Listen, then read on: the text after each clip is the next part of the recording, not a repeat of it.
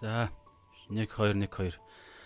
За шалом буюу эзний амар амгалан та бүгдтэй дүүрэн байх болтугай байгаа байхаа гэж найдаж байна. За тэгээд эзний амар амгалангаа мэдчилж байна. Хамтдаа өнөөдрийнхөө итгэн шийдэх цагаа Иохан номын 18 дугаар бүлгээр үргэлжлүүлцгээе. Залбираад эхлэе.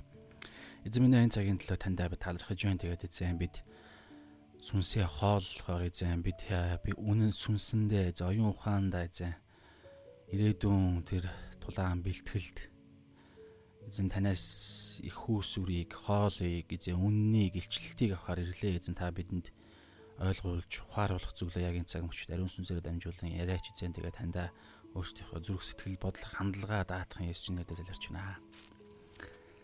Амен. За. За бүгдээ хамтдаа өнөөдрийнхөө хэсгийг уншия. Өнөөдрийн хэсэг бол За дуугайг байна. Орой минь дээ хамт байгаа хүмүүстэй. За. За би Йохан 18. Өнөөдрийн өнөөдрийн хэсэг бол Йохан 18-ийн 1-ээс 11 байна. Есүс баривчлагдж байгаа хэсэг байгаа. Гитсмен цэцэрлэгт баривчилгаа уруултын хэсэг байна. Тэгээд би уншаад эхлэе. За Йохан 18-ийн 1-ээс 11. Есүс энэ үгсийг айлдаад айлдаад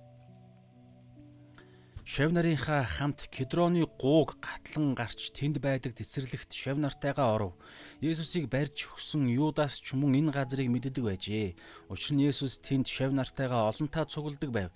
Тэгтэл Юдас цэргийн баг ахлагтай ахилч нар болон фарисеучудаас харуулуудыг дагуулж ирэв.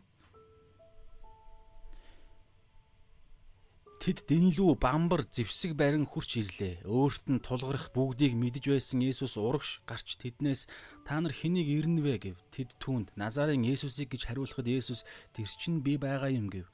Түүнийг барьж өгсөн Юдас ч мөн тэдэнтэй хамт зогсож байлаа. Есүсийг тэдэнд тэр чинь би байгаа юм гэхэд тэд ухарч газарт газар унцгаав. Есүс дахин та нар хэнийг ирнэ вэ гэж асуусанд тэд Назарын Есүсийг гэлээ. Есүс хариулан тэр чинь би байгаа гэж би та нарт хэлсэн. Та нар намайг ирж байгаа бол эднийг явуул гэснэ нь гэснэ нь таны надад өгснүүдээс нэгийг нь ч би алдаагүй гэж түүний айлдсан үг биелэгдэхийн тулд юм аа. Симон Петр илдээ суглан суглаад тэрүүн дахилчийн зарцын баруун жихийг тасч авчжээ. Тэр зарцын нэрийг малах гэдэг байв. Тэгтэл Есүс Петрт илдээ хуунд нь хий эцгийн надад өгсөн аягнаас би уухгүй гэж юу гэв. Амен. За Йохан 18 дугаар бүлэг маань өнөөдөр ингээд эхэлж байна. Тэгэхээр Аа за шууд нэгдүгээр ишлэлээр ишлэл рүүгээ бүгдээрээ харахад нэгдүгээр ишлэлийн нэг үгэн дээр тулгуурлаад бүгдээрээ өмнөх хам сэдвийг жоохон дурднаа. За өнөөдрийн хэсэг бол Матай, Марк, Лук, Йохан, Сайн мэдээний дөрвөн ном дөрвөлн дээр нь байгаа. Тэгэхээр тэр утгаараа үргэлж аливаа зүйл дөрөв давтагдана гэдэг бол Библиэд хамгийн чухал зүйл гэдэг утгаараа маш чухал хэсэг байна. За бүгдээрээ эхнээс нь хараад явна шууд. За Есүс энэ үхсийг айлдаад эдгээр үхсийг айлдаад шавнарынхаа хамт Кедроны гуу гатлан гарч тэнд байдаг цэцэрлэгт шавнартайгаа оров. За тэгэхээр эдгээр үхс гэдэг дээр бүгд хамтдаа өмнөх хамсд байна нэг дурдаах юм. Тэгэхээр би энд боломжоор өөрийнхөө одоо эмхтгснээр гаргасан. Тэгэхээр эдгээр үхс гэдэг дээр бол яг Библийнхаа энэ бүлгийнхаа номынхаа хамс хамсд дээр бол яг одоо энэ гитсмен цэцэрлэг рүү орохоос өмнө болсон хідэн цагийн үйл явдал нэгдүгээрт. Хоёрдугаарт яг өмнө нь болсон 17 дугаар Йохан 17 дугаар бүлэг дээр Есүсийн Бурхан аав руугаа хандсан залбирал байгаа. Тэгэхээр бүгдээрээ тэр хамсуудыг харъя. Тэгэхээр Йохан 13 Йохан 13-аас 17 дугаар бүлэг буюу 13, 14, 15, 16, 17 гээд энэ таван бүлэг маань тэр чигээрээ Есүсийн үхлийн өмнөх орой болж байгаа. Алагслын баярын зоогийн үеэр болж байгаа үйл явдал. Тэгэхээр эдгээр үйл явдал дунд болсон эдгээр ойлголтуудыг айлдж дуусаад гэсэн үг.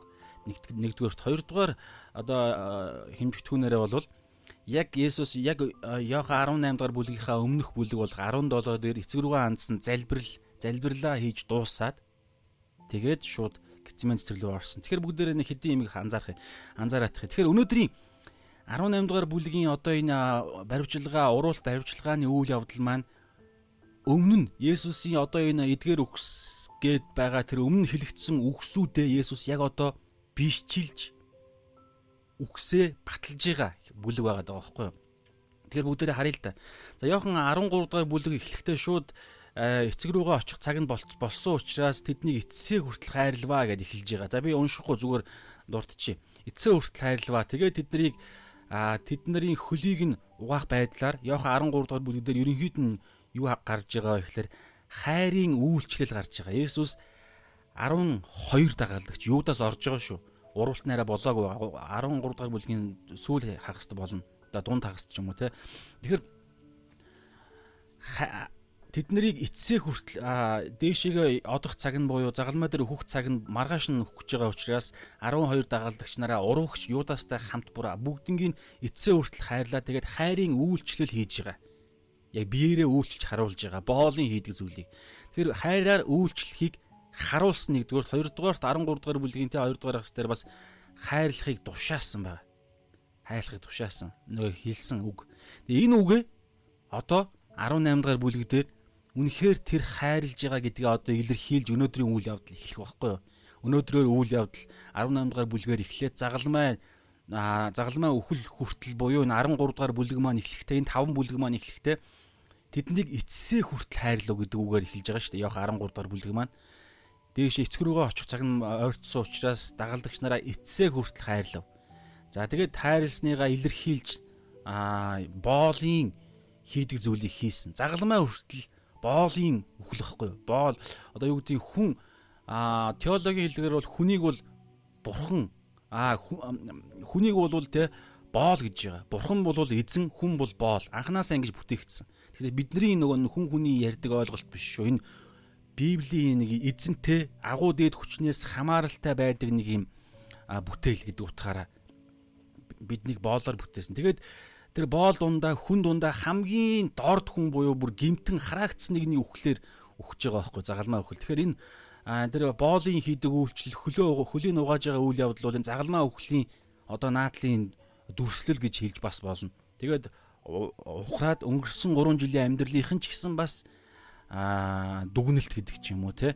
За тэгээд 14 дугаар бүлэг дээр яаж байгаа гэхээр тэд нарыг янз бүрийн тэр 13 дугаар бүлэг дээр юудаас урвж байгаа Петрийн 3 удаагийн үүсгэлийг хэлсэн. Тэгээд дараа нь ч гэсэн янз бүрийн юм ярин. Тийм учраас Есүс энэ дунд нь тайтгарууллын үгийг хэлж байгаа. Тэд нарыг тайтгаруулж. Тэгэхээр ерөнхийд нь би ингээд нилээ ерөнхий байдлаар шүү. Дунд нь мааш нарийн нарийн чухал зүйлсүүдийг бид нар үздсэн. Тэгэхээр ерөнхийд нь бол эцэг хүү 2 1.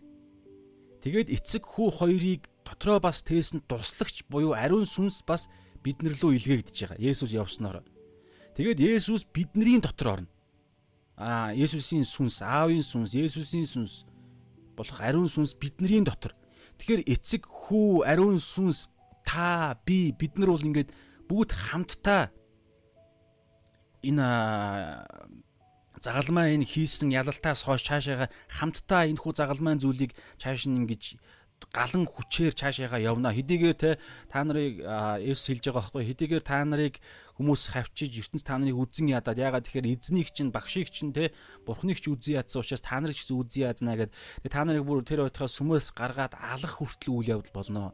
Тэгэхээр энэ бүх зүйлсүүдийг яхад та нарын дотор Бурхан хамгийн дээд хүч болох Бурхан Аавын хүчийг тэр хүчийг илэрхийлсэн хүүгийн хүүгийн сүнсийг, Аавын сүнсийг, сүнс болох ариун сүнс, галан орчлын ертөнцийг бүтээсэн галан хүч, гал агуу хүч өөрөө Бурхан өөрөө та нарын дотор байх учраас та нарт айх зүйл байхгүй гэдэг те а энэ зүйлийг та нар давж гарахад хүчтэйгээр давж гарч чадна миний дотор байгаа гэдэг. Тэгээ ийм байдлаар тайлгаруулж байгаа. Дунд нь нарийн ширийн маш олон юм байгаа. Тэгээ энэнийхээ Энэ зүйл ч гэсэн өнөөдөр энэ тайлгаруулал энэ хамгаалал те а энэ зүйл ч гэсэн өнөөдөр 18-аас эхлээд ерөнхийдөө бол яг бодиттой биеэрээ практик дээр одоо Есүс үзүүлнэ гэсэн үг. Яг бодиттой тэрхүү зовлонгийн аягыг өөрөө авч байгаа авч ууснараа гэдэг загалмаа өхөл. За 15 дээр болохоор Есүсийн дотор байвал нэг усан үзмийн мод дээр хэлж байгаа. Есүсийн дотор байвал бид нар Есүсийн анд нөхөд болдог.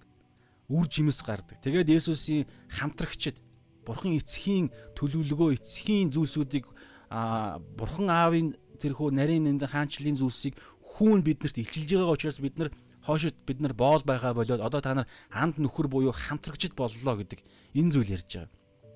Тэгээ 16 дээр туслагчтай хамтрах илүү давуу амьдралын талаар бас ярьж байгаа. Ариун сүнстэй.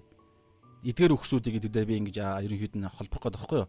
Аа тэгээд 17 дээр бидний төлөх залбирал явагдаж байгаа. Залбирал нэг талаараа нөгөө талаараа шууд биелэх төлөвлөгөө Бурхан залбирсан бол гарцаагүй биелдэг гэдэг утгаараа бид нар үзсэн шүү дээ. За энэ залбирал дотроо бол ерөнхийдөө товчхондоо өөрийнхөө ялалтын төлөө бидний төлөө хийх ялалтын төлөө эхэлж Есүс ялж ижил бид ялалтыг нь ялалтынхын дотор үргэлжлүүлэн ялах боломжтой. Нэгээс 5 дугаар ишлэл дээр 6-аас 19 дугаар аавыг биднэрт мэдүүлсэн хүү бас биднийг хамгааллын бидний хамгаалалтын төлөө аав руугаа хандан залбирсан бас хамгаалах болно гэж бас бидний ариусгалын төлөө бас ариусгах болно гэдгээ. Тэгээ 20-оос 26 дээр бүх итгэгчдийн эв нэгдлийн төлөө ингэхэд бид нар товчхондоо хэлэх юм бол гурвалтай буюу эцэг хүү ариун сүнс сүнсийг эцэг хүүхдээсэн ариун сүнстэй хамт байж гурвлын дотор нэг нэг хэсэг эцэгтэй хүүтэй нэг байх энэ нэгдэл байгаа цагт итгэгч нар хоорондоо нэгдмэл байх боломжтой гэдгийг үздсэн те. Тэгээ алдаршуул энэ алдаршуулж гисэн Есүсийн алдар буюу Есүсийн оршихуй дотор бид нар алдрыг нь гэрэл дотор нь байгаа цагт бид ирээдүйд алдарш алдаршуулгадана бас одоо ч гэсэн ариун сүнсээр нь Есүсийн оршууд гэрэл болсон үгэн дотор нь байснараа бас алдаршуул дотор бас алдар дотор ч гэсэн одоо амьдрнаа гэдэг эдгээр өгсүүдийг ярьсан. Ингээ харах юм бол маш ингээ том зургаар нь судлах юм бол маш том судалгаа болох боломжтой. За тэгээд ийм тэгээ өнөөдрийн хэсэг орж ирнэ. За тэрнээс наан а 13 14 дэх бүлэг маань болохоор яаж байгаа гэхээр тэрхүү алгасэл баярын зоог болсон, дээврийн өрөөнд болсон үйл явдал. 13 14 дэх бүлэг нь 15 16 17 гэдэг энэ гурван бүлэг маань замдаа одоо гидсмэн цэцэглэг рүү алхаж явах замдаа болсон үйл явдал. За тэгээд 17 дугаар бүлэг замдаа зогсоод эцэг рүүгээ хандаж залбираад тэгээ өнөөдрийн хэсэг. За бүгдээ ишлэр гарыг.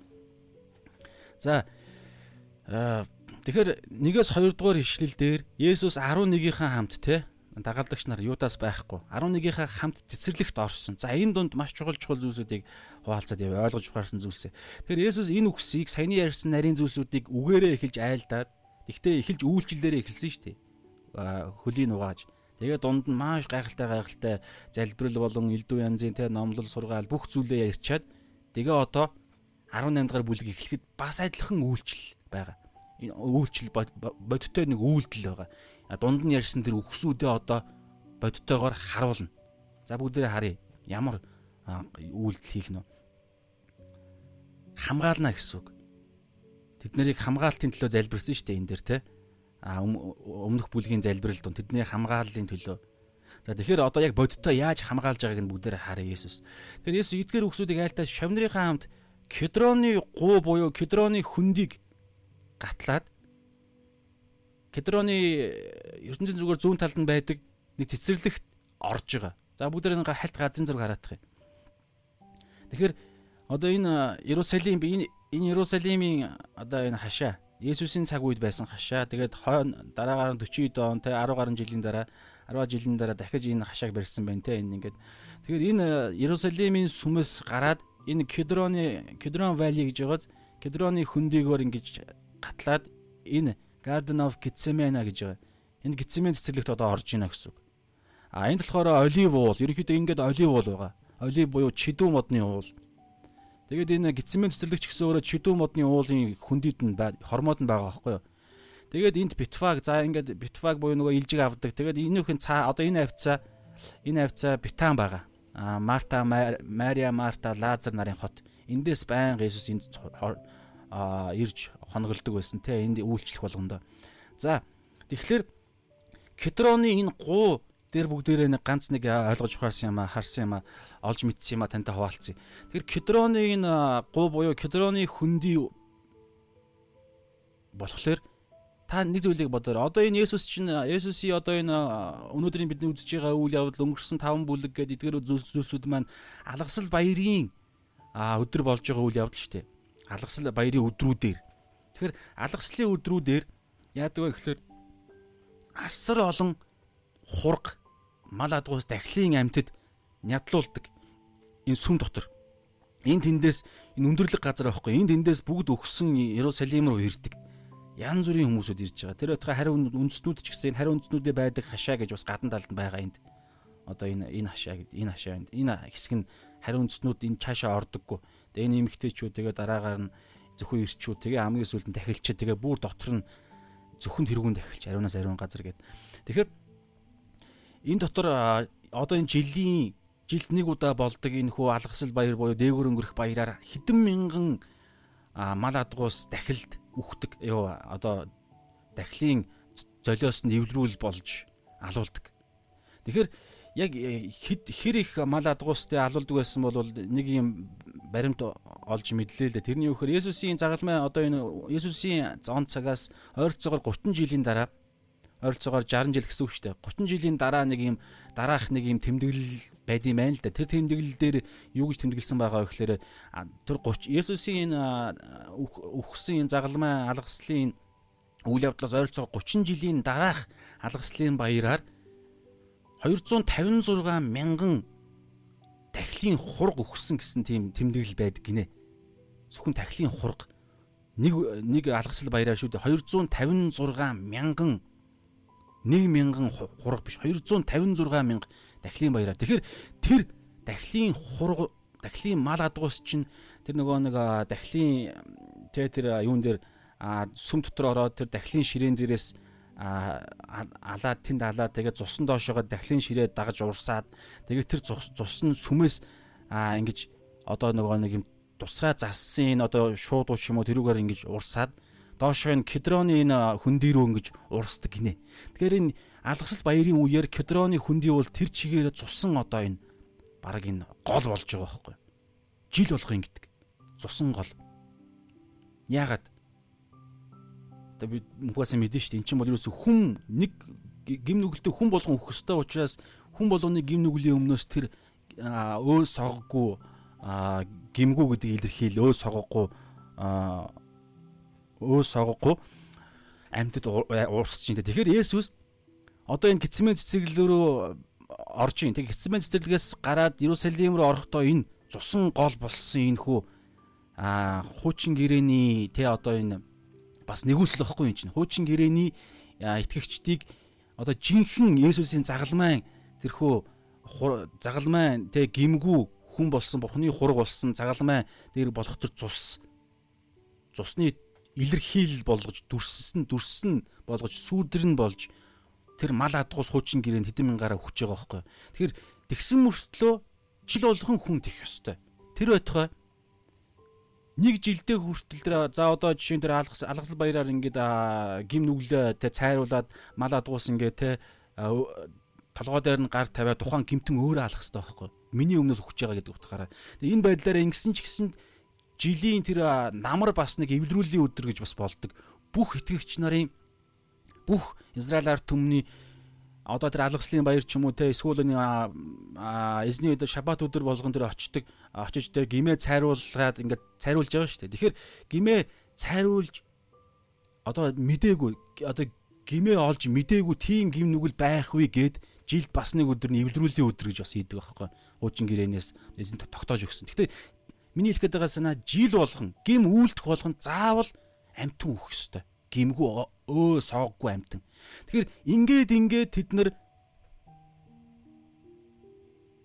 тэр мал малын цус тэднийг бүрэн зольж чадахгүй байгаа даа байхгүй боломжгүй. Тийм учраас шин гэрээ, тийм учраас нэгүсэл хэрэгтэй. Есүс ирэх шаардлагатай бас. Тийм учраас одоо энэ гитсмэн цэцлэгээс гараад энэ Иерусалим руу ороод орохдоо энэ Гедроны хөндийг давж гарна Есүс. Тэгэхдээ тэдний хуучин гэрээнд чадахгүй байгаа. Хуучин гэрээний тэдгээр гимгүү өөс согохгүй амьдтын цус урсаад урсаад чадахгүй байгаа тэр золиос тэр авралын төлөө Есүс Гедроны гуу гарч баривчлагдаад жинхэнэ хүн төрлөختний түүхэн цорын ганц болох үйл явдал жинхэнэ тэр аа одоо гимтний төгс хийгдэх цорын ганц дахил болохоор загалмай руу буюу дахлын ширээ ширээ рүү загалмай руу үхлийн тавцан руу явах аахгүй.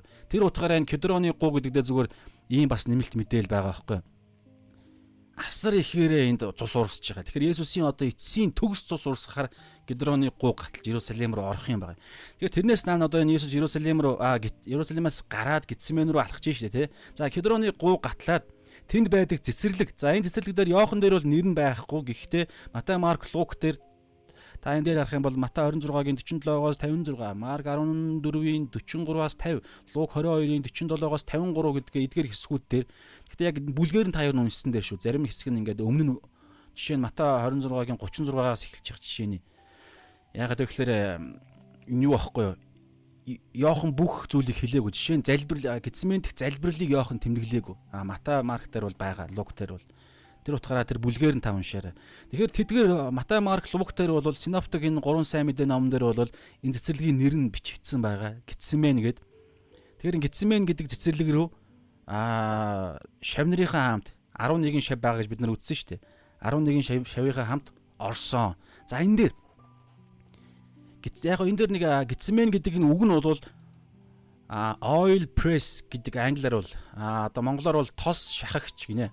Тос шахагч гэдэг үгтэй, утгатай гэдэг ийм ийм үндсээс гарсан үг байх боломжтой гэж байгаа байхгүй. Тосны шах одоо шахуурч гэдэг юм уу те тос шахагч гэдэг тийм.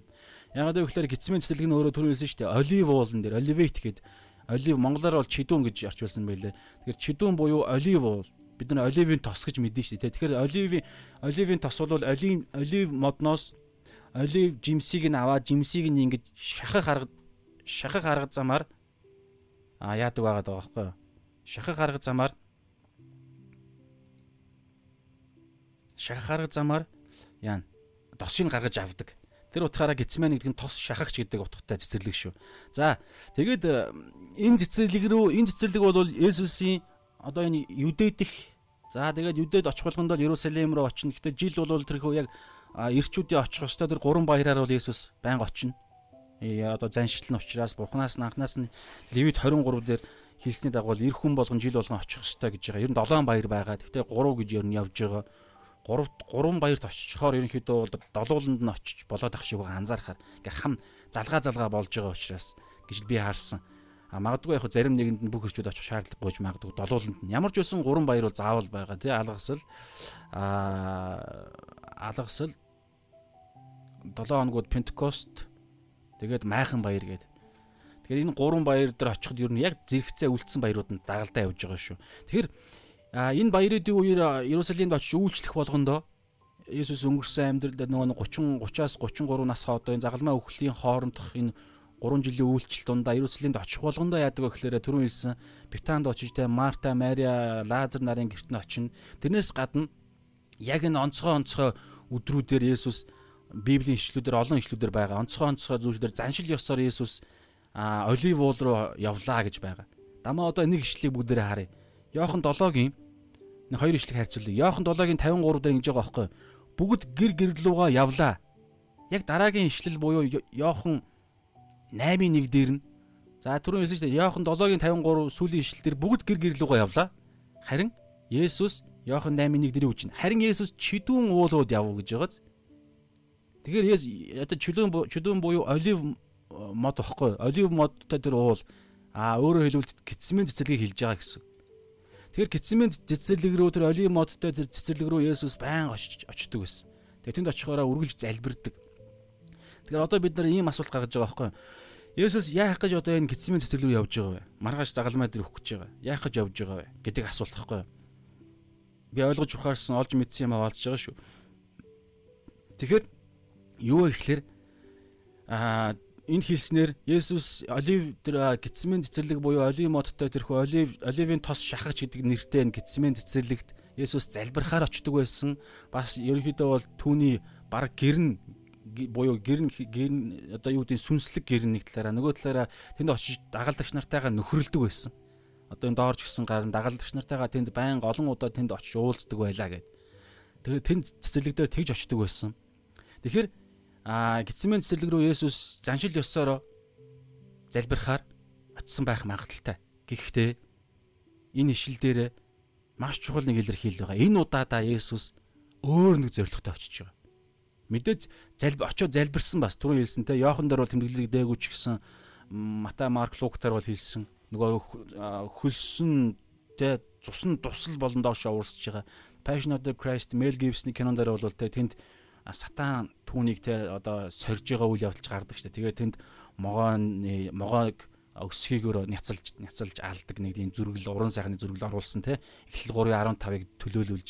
Тэгээ тийм залбирал бол яалтчгүй болно. Гэхдээ одоо энэ өнөөдрийн нэгдүгээр ишлэр ингэж байгаа шүү дээ. Есүс энэ үгсийг айлдаад шавнырынхаа хамт кедроны гу гатлан тэнд байдаг цэцэрлэгт шавнартайгаа оров гэдэг үг байхгүй юу? Тийшээ яах гэж оров? Тэгэхээр түрүүн би хэлсэн те ингээд мэдээж тэнд урдан залбирдаг байсныгаа дагуу адилхан залбирах гэж орсон байж болно. Тэгм залбирсан угаасаа нөхөрлсөн бас адилхан нөхөрлсөн. Гэхдээ энэ удаадаа яаж байгаа вэ гэхээр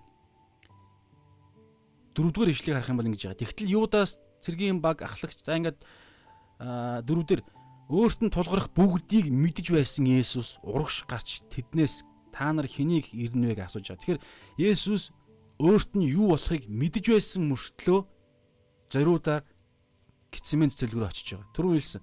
А хоёр дээр бас байгаа. Бүгд хоёр дахь ишлэг уншия. Есүсийг барьж өгсөн Юдаас ч мөн энэ газрыг мэддэг байжээ. Түрүү хэлсэн шүү дээ.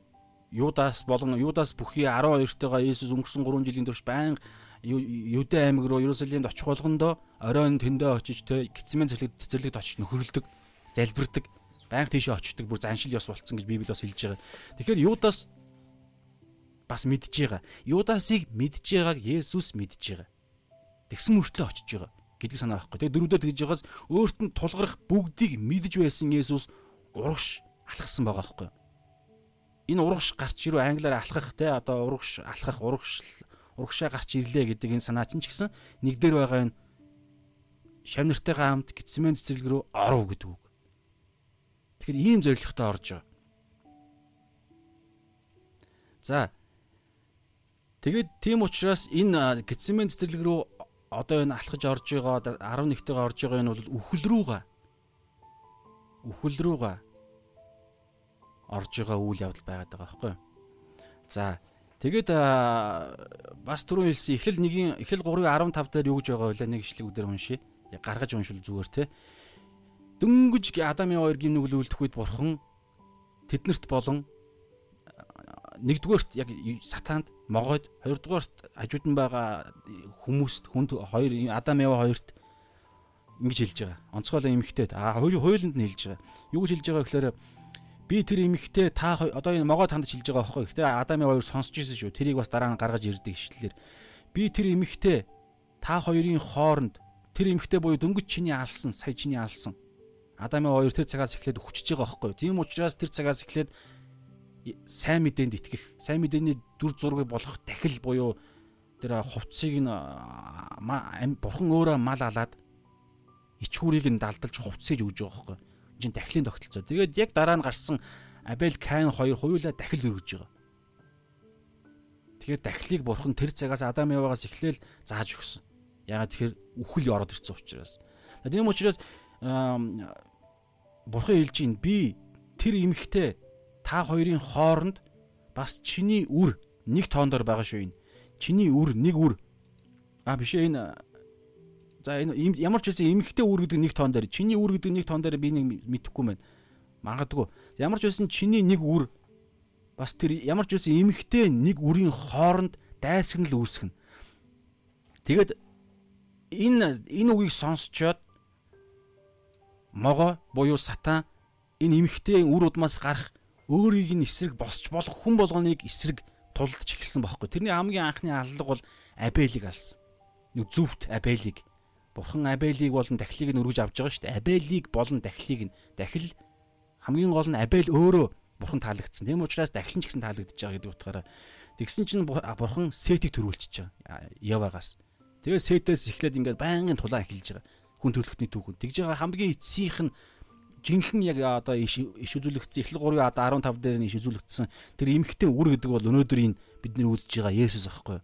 Тэгээ Есүс одоо энэ үхэл рүүгээ явж байгаа. Гэхдээ тэр үхэл нь ямар учиртай вэ гэхээр Эхлэл 3:15 дээр бурхан ингэж иш үзүүлсэн. Тэр үр толгойгч нь бяцлана. Толгой гэдэг нь юу? Сатаны одоо эрх мэдэл, сатаны тэр байр суурь тэр нэг юм а тэр эрхэн гэсэн үг шүү дээ. Тэр одоо шүүх шүүх танхим сатан орж ирж хүн төрлөختнийг нүглийг ашиглаж биднийг яллаж буруутгах өөрөө нүгэл үйлдүүлсэн. Тэгсэн мөртлөө өөрөө өнөө өдөр тутамч гэсэн өнөөдөр тэгж байгаа Сатан бидний бодол дотор те бидний өнгөрсөн амьдралаас амьдралд маань те Эфес 4 дээр хэлсэнчлэн залмих залмихийг ашиглаж махуудын хүсэл тачаалаар биднийг ялзруулж ийсэн.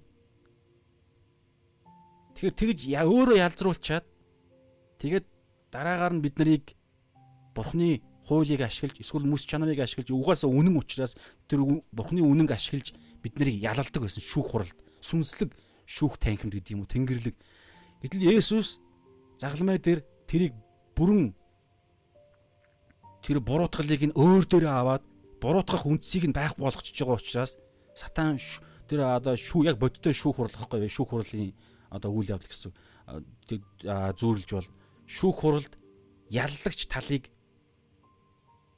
хамгаалах өмгөөлөгч тал нь ялчж байгаа байхгүй. Тэгээд яллагч тал нь шүүхээс гараад явж байгаа гэсэн иймэрхүү зүргэл байгаа байхгүй.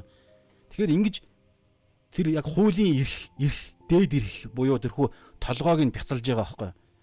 А Кентер түрүүн хэлсэн Мел Гибсний Passion of the Christ дээр бол яг бодиттой могоог өсгөөгөөрөө нэг бяцалж байгаа үйл явдал илэрхийлэл болгож гаргадаг шүү дээ. Гэтэ энэ бол яг бодиттой гэхээс илүүгээр яг сүнслэг үйл явдал юу? Яг тийм сүнслэг одоо бурхны хууль сүнслэг тэрхүү а одоо хууль ихгүй өмгөөлөл үйл явдал сүнслэг гэдэг тэгэхээр хийвсүр гэдэг утгаараа биш дээ. Энэ бодит бодит зүйлсийн ажилуулдаг суурь нь илүү бодиттой юм сүнслэг зүйл шүү дээ. Энэ бидний бодиттой зүйл чинь бүгд устдах байхгүй. Сүнслэг зүйл хизээж устдахгүй. Тэр утгаараа сүнслэг гэдэг энэ санаа бол сонсохоор нэг хийсвэр гэж бити бодоор энэ бүр харин ч илүү бодиттой юу ч цаг хугацаач юу ч өөрчлөгдөхшгүй бодиттой баталгаатай зүйл гэдэг шүү. Тэгэхээр тэр үр буюу Есүс толгойг нь толгойгч нь бяцланаа түүний өсгийг Есүсийн өсгийг гэсэн үг те чи няцлана. Буюу Есүсийн өсгийг нь загламай дээр сатаны гар хөл болсон хүмүүсүүд яг нь ромчууд ихээс илүүгээр ромчууд ч орж ирж байгаа мөн 300 жилийн турш Есүсээс хойш 300 гаруй 300 жилийн турш итгэгч нарыг алж байгаа шүү дээ бүгд ромчууд. Тэгээ 313 онд Константин хаан Христэд итгээд тэгээд ойролцоогоор хэдэн жилийн дараа 300 оны сүүлээр ромчууд тэр чигээрээ Христ итгэлд ирж байгаа. А тэгэхээр ромчууд яг яалтчгүй сатаны дэрхүү гар хөл болохын үед болсон утсан үгэлтэй. Гэхдээ фарисеучуд хуулийн багш нар яг сатаны яг жинхэнэ одоо тэр энэ хэлж байгаа чиний үүргээд байгаа зүйл чинь болж байгаа байхгүй. А дээр нэмээд Юдас маш бодтой Юдас яг сатаны үр нэг тоон дээр яг болж ирнэ. Доор бид нар нэг ишлэлээр харна. Тэгэхээр та илүү тодорхой харах боломжтой.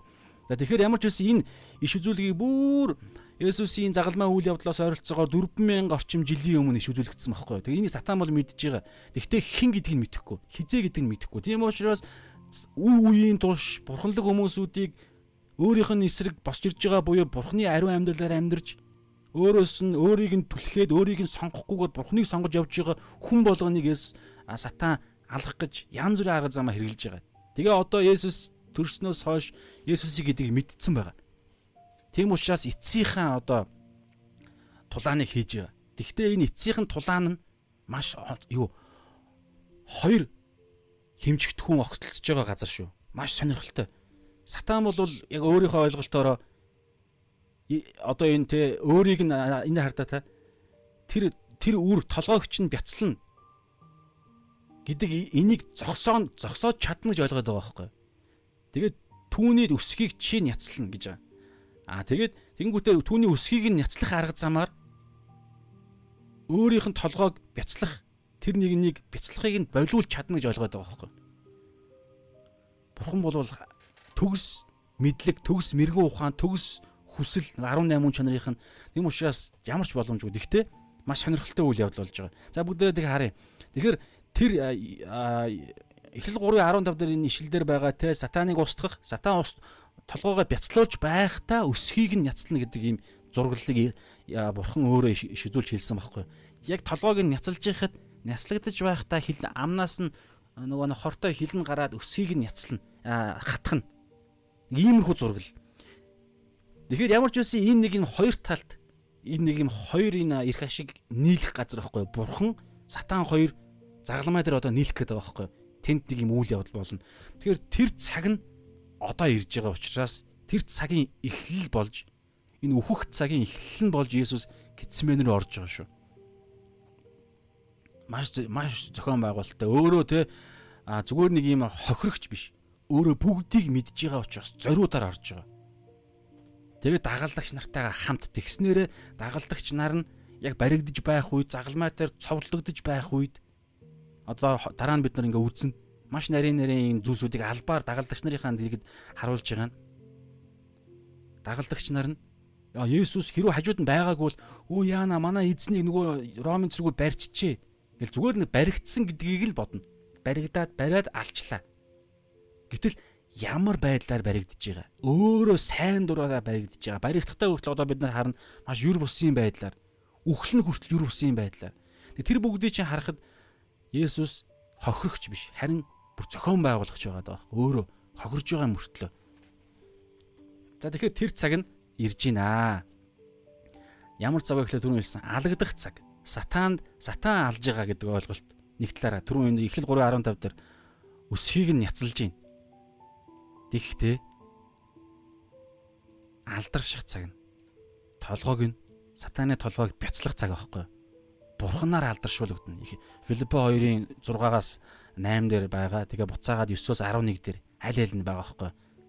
Филиппо 2-ын 6-аас аа Филиппо 2-ын 6-аас 8-ыг нь болохоор яг алуулж байгаа. Алагдах цаг юм шиг харагдана. Сатаанд ялагдж байгаа юм шиг. За би уншия л та. Хэдийгээр тэрээр бурхны дүр байсан ч бурхантай дэгш байхыг булаах гэсэнгүү харин өөрийгөө юу ч үгүй болгон. За эндээс эхлэл хар та. А бүр эндээс эхэлж байгаа. Бурхны дүр байсан ч гэсэн а бурхантай тэгш байхыг булаах гэсэнгүүг буюу хадгалах зүйл гэж үзээгүй гэдэг санаагаар. За энэ эндээс 7-оос эхлэх юм байна. Харин өөрийгөө юу ч үгүй болгон. За эндээс эхлээд нөгөө бурхны хүү чинь нөгөө нэг эмхтэй уруудам чинь намайг миний толгойг бяцлах сатан гэж бодож штэ. Миний толгойг бяцлах нөгөө нэг өрн юу ч үг болчлоо штэ. За нэгдүгээр тэгэнгүүтлээ боолын дүрийг авч бүр хүн болцсон. Өө би хүмүүсийг анханаас нь Адам анхных нь хүн Адам Эва хоёрыг л би устгаж хуурж мэхэлж чадсан юм чинь хүн болцсон юм уу нөгөө бурхны намайг устгах хүн чинь. Өө тэгвэл би ч гэсэн хүнийг бол би үнэхээр дөнгөж чаднаа гэж бодсон штэ. Бас тэ зүгээр Тэгэхээр боолын боолын дүр хүнийг авч хүн боолын дүрийг авч хүнтэй адил болжээ. Хүн төрхийг олсон тэрээр өөрийгөө мөхс болгосон. Өө бүр мөхс болчихж байгаа юм. Өө тэгвэл зөв жинхэнэ одоо би нөө өсгийг нь бяцлаад өгье л дөө. Миний толгойг бяцлахаас өмнө өсгийг нь би няцлаад дөө гэж бодно гэсэн. Загалмаа үйл явдал. Үхэлд бүр үхэл. Үхэл гэдэг чинь өөрөө гим нүгэлтэй нэгэнд л өөгддөг ял шийтгэл байхгүй юу? Тэгэхээр үхэл гэдэг чинь ерөөсөө шууд л баг тэр сатаны одоо одоо юу гэдэг вүлээ тэр талбар гэд бараг хэлэхэд нэх буруутахгүй байх гэж бодож байна. Гэхдээ сатан тэр үхлийг аа би болгосон гэж бас хэлэхгүй шүү. Энэ бас яг нэгт ингэж бас яриад бас буруу болно гэсэн.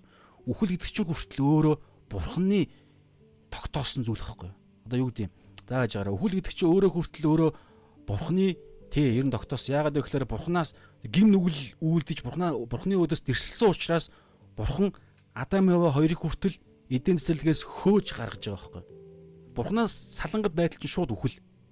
Тэгээд галт илчилт 21 20 20 21 дээр байгаа 21 дээр байгаа тэр галтнуур гэдэг ойлголт чинь өөртөл бурхан өөрөө тэрийг тогтоосон. Тэгээд тэнд сатааны уур хилэнг биш бурхны уур хилэнг 100% уур хилэнг ямар ч өршөөл нэгүсэл хайр байхгүй мөртлөө бурхны тэр 18 мөн чанарын уур гэдэг мөн чанар шудраг байдал уур ариун тэр мөн чанарууд нь мөн чанаруудаас нь гарах тэрхүү хариу үйлдэл болох уур хилэн мөнхөд сатан болон сатаны талд байгаа тэрхүү аливаа бүтээлүүд сүнслэг бүтээлүүд хүртэж амьдрах байхгүй. Тэгэхээр Тэгээ ямар ч байсан тэр яг өөр зүйлөө байж орчлоо. Тэгэхээр үхэл тэгээ бүр загалмаа үхэлд хүртэл дуулууртай байсан. Тэг бүр ингээ үхээд байхгүй болчихж байгаа. Ингээ дуусаад тэгээ одоо нөгөө нэг ялагдчихж байгаа юм шиг. Гэтэл хариуд нь таарда 9-оос эхлээд тимээс алагд сатанаар алагдж байгаа мэт өөрийгөө энэ Филиппо 2-ын тэ 6-аас 8 дээр хэлсэн дагуу үхэлд хүртэл загалмай үхэлд хүртэл дуулууртай байж алагдсан учраас тимээс Бурхан үлэмжийн дээдээр түүнийг өргөмжилсөн бөгөөдгээд нөгөө алдаршуулгадах юм чи орж ирж байгаа байхгүй. Тэгээ энэ алдаршуулгадах энэ алдар дотор нь бид итгэх үед энэ алдаршуулгадахтай нэгдээд байгаа байхгүй хамгийн гайхалтай. Алагдсантай нэгдэж итгэлээрээ буюу итгэлээрээ нэгдэж чадвал алдаршуулгадахтай нүртэл нэгддэг. Ромдор хэлж байгаа шүү дээ. Үхэлтэй нэгдсэн бол амьлалтай ч гэсэн бид нэгдэж байгаа гэдэг юм ярьж байгаа. А тэгээ үхэлтэй нэгдэх гэдэг дээр бол бидний гимшил ярьдаг шүү. Бузар муугаа ойлгож ухаарад Есүс Христийн загалмай үхэлтэй нэгдэх буюу би өөрийгөө хуучин хүнээ өхүүлэх гэдэг ойлголт. Тэр байтга бүр өдөр бүрийн үйл явдал ярьдаг шүү чинь. Баян гимшсээр байх, итгэсээр байх, хуучин хүнээ өхүүлсээр байх. Тэгээд баптизм ч өөрөө энэний илэрхийлж дээ. Ингиж бидний амьдрал шинэ амьдрал эхэлдэг ус руу ороод үхэж байгаа. Уснаас гарч ирэхдээ хуучин хүн маань үхсэн. Би одоо Есүсийн боол. Би Есүсийн боол буюу би мах бодийн хүслээ хүсэлтэд боолчлогдох биш. Харин өчигдөрхөн би жимээгөө цагаар яжсэн харин Ром 6 дараа байгаа харин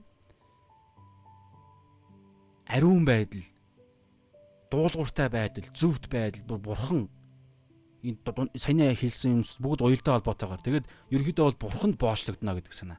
Дуулууртай байдалд боочлогдно гэдэг санаа. Эргэтнүүдэд бодтой мах бие. Тэгээ ийм шин хүн болсон гэдгээ би уснаас гарч ирэхдээ баптизмын ойлголтчтэй гарч ирэхдээ би тунхаглаж байгаа гэсэн.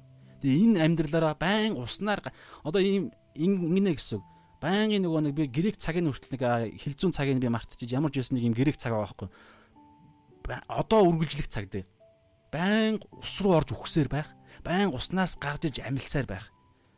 А бодиттой бол бидний амьдрал нэг л удаа баптизм хүртэж байгаа шүү дээ. Гэхдээ энэ нь байнгын Есүс дээр очин очлоо буюу өөхөх өөхөх хүртлээр энэ ингэж амьдрнаа гэдгийн илэрхийл байгаад байгаа байхгүй. Өдөр болгон бид Луг 9-ийн 23 дээр байгаа. Өдөр болгон өөрийгөө үгүйсгэж буюу өхүүлж, усанд хуучин хүнээ өхүүлж, шумбуж ингэж живж ороод уснаас гарч ирэхдээ а Лук 23 дээр өдөр бүр өөрийгөө үгүйсгээд загалмайгаа үүрээд намайг даг.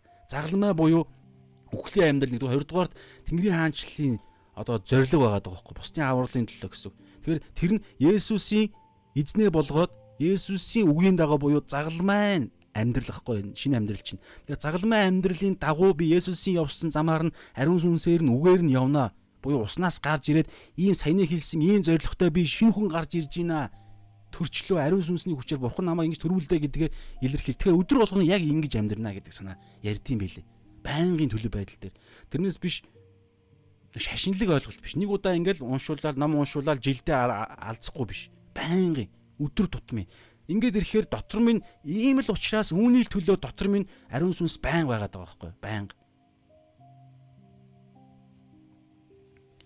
Тэгэхээр ийм гайхалтайгаар Есүсийг алдар өргөмжилсөн бөгөөд алив нэрээс дээд нэрийг түүнд сойрох уу. Энэ нь Есүсийн нэрт тэнгэр, газар дээр, газрын доорх бүгд өвдөх сөгдөж.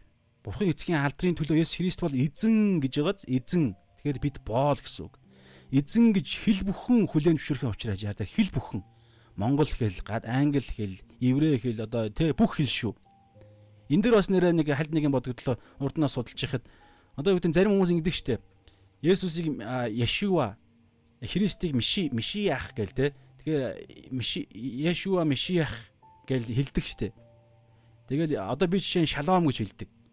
Одоо амар амгалан байх болтгоо гэхээр би галбаар нөгөө нэг зүгээр монголоор одоо би тантай мэдлэхтэй те одоо за амар амар амгалан байх болтгоо гэд мэдлэхээс илүү би шалом гэж мэдлэх хүсэж байгаа байхгүй. Аа тэрнтэй адилхан Есүс Христ гэдэг чи одоо энэ монголоор ингэж орчуулчаад байна шүү дээ. Гэтэл одоо юу гэдэг зарим тийм хүмүүс байгаад байгаа байхгүй яг Yeshua гэдэг нэрийг нь хэлэхээр илүү нэг үр дүнтэй байх юм шиг. Илүү одоо сүнслэг, илүү нэг нөлөө нь үзүүлэгдэх юм шиг. Ойлгоод тэгээ Yeshua гэдгээр нь хэлэх дуртай гэдэг гэдэг тийг итгэдэг хүмүүс байгаад байгаа байхгүй. Тэгж харин энэний нэг сөрөг тал нь тэгж хэлэхгүй бол зүгээр Есүс гэж хэлэхээр яг Yeshua гэдгээр нь хэлэх хэрэгтэй гэж хэрүү тэгж үзэх юм бол а Библи тэгж хэлдэггүй гэдэг байгаа байхгүй та энэ дээр харалт хэл бүхэн гэж байгааз яг энэ ишлэлийн судлалын цаана тийм байгаа байхгүй хэл бүхэн Есүс бол эзэн гэж. Тэгэхээр Есүс Христ бол эзэн гэдэг энэ хэллэг чинь монгол хэлээр ямар хэлээр байгаа? Юм л биш Есүс Христ бол эзэн. Ингэж монгол хэлээрээ л хүлэмжшүүрнэ. Тэрнээс биш заавал еврейгээр нь биш. Тэгэхээр би заавал шалом байх албагүй байхгүй а тэгвэл шаломор нэлсэн ч болно. Ишуа Мишиах гэсэн ч болно. Харин ингэж хэлчихэд Есүс Христ гэж хэлж байгаа нэг нэг а наадах чинь жоох муу шүү гэж хэлж ивэл аюулт асуудалтай гэсэн үг байхгүй. За энэ өөр нэг юм бодогдлоо. За тэгэхээр ийм өдөр тэр цаг одоо ирж байгаа учраас гисмен цэцэрлүүр ингэж оржээ. Энэ түрүүн биелсэн шүү дээ. энэ загалмаа үйл явдал бол хоёр талд сатааны сатааны эрх ашиг бурхны эрх ашиг хоёр уулзах газар байхгүй. Тэгж харагдаж байгаа. Сатааны эрх ашиг, бурхны эрх ашиг. Сатааны эрх ашиг юу юм? Өөрийг нь устгах тэр эмхтэй өрөөдмийг алах, устгах. Бурхны эрх ашиг юу юм?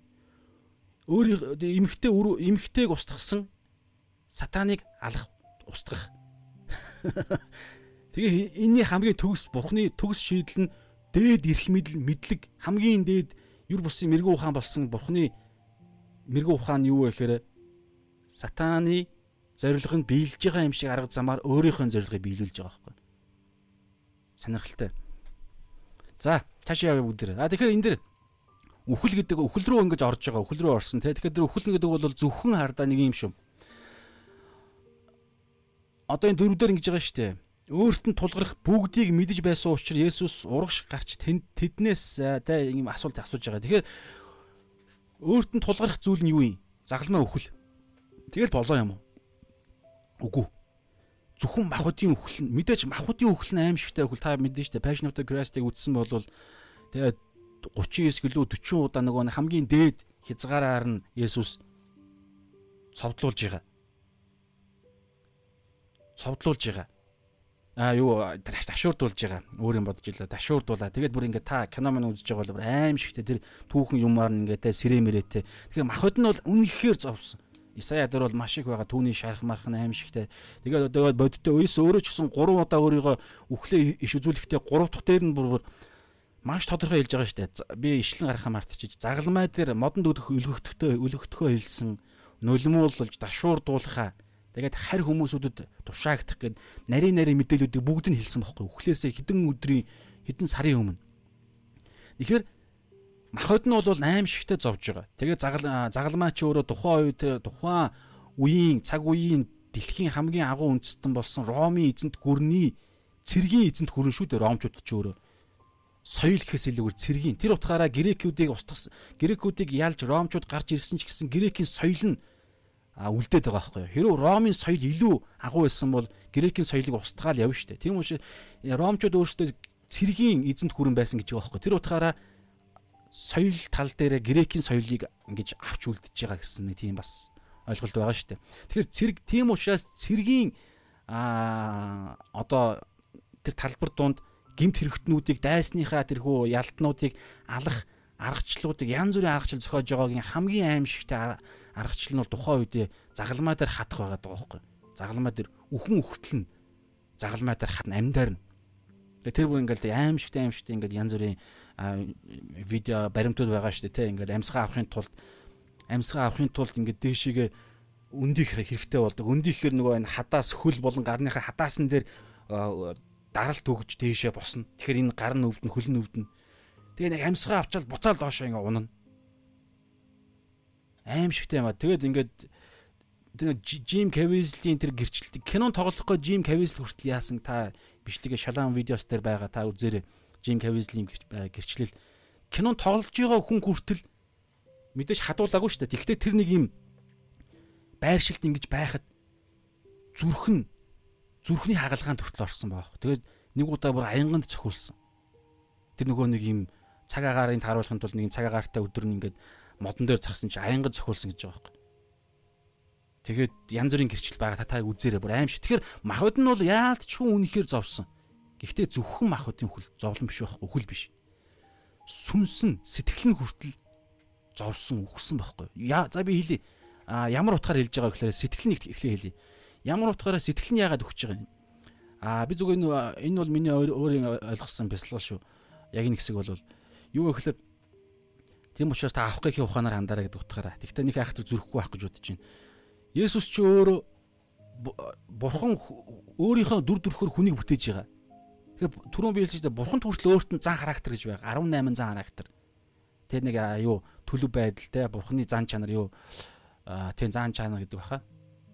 Тий тэгэхээр 18 зан чанар байгаа. Тэгэхээр тэр бурханы өөрийнх нь зан чанар дотор нь ямар зан чанар байгаа гэж ариун ариун шудраг тий тэр ариун гэдэг дээр надад бодогдож байгаа байхгүй ариун гэдэг нь юу гэсэн үг вэ гэхээр бурхан нэг ч гим нүгэлтэй хамт байх боломжгүй байхгүй дургу гим нүглээ бүр үзэн яддаг өөрийнх нь бүр тийм сэтгэл зан чанарынх нь ойлголтоор. Гэтэл Есүс чи загалмаа өхөл хүртэл Матай 10 10 Матай 3-ын 16 17 хавцаа байна уу? 16 17 сүүлийн хоёр ишлэлээр байгаа байхгүй.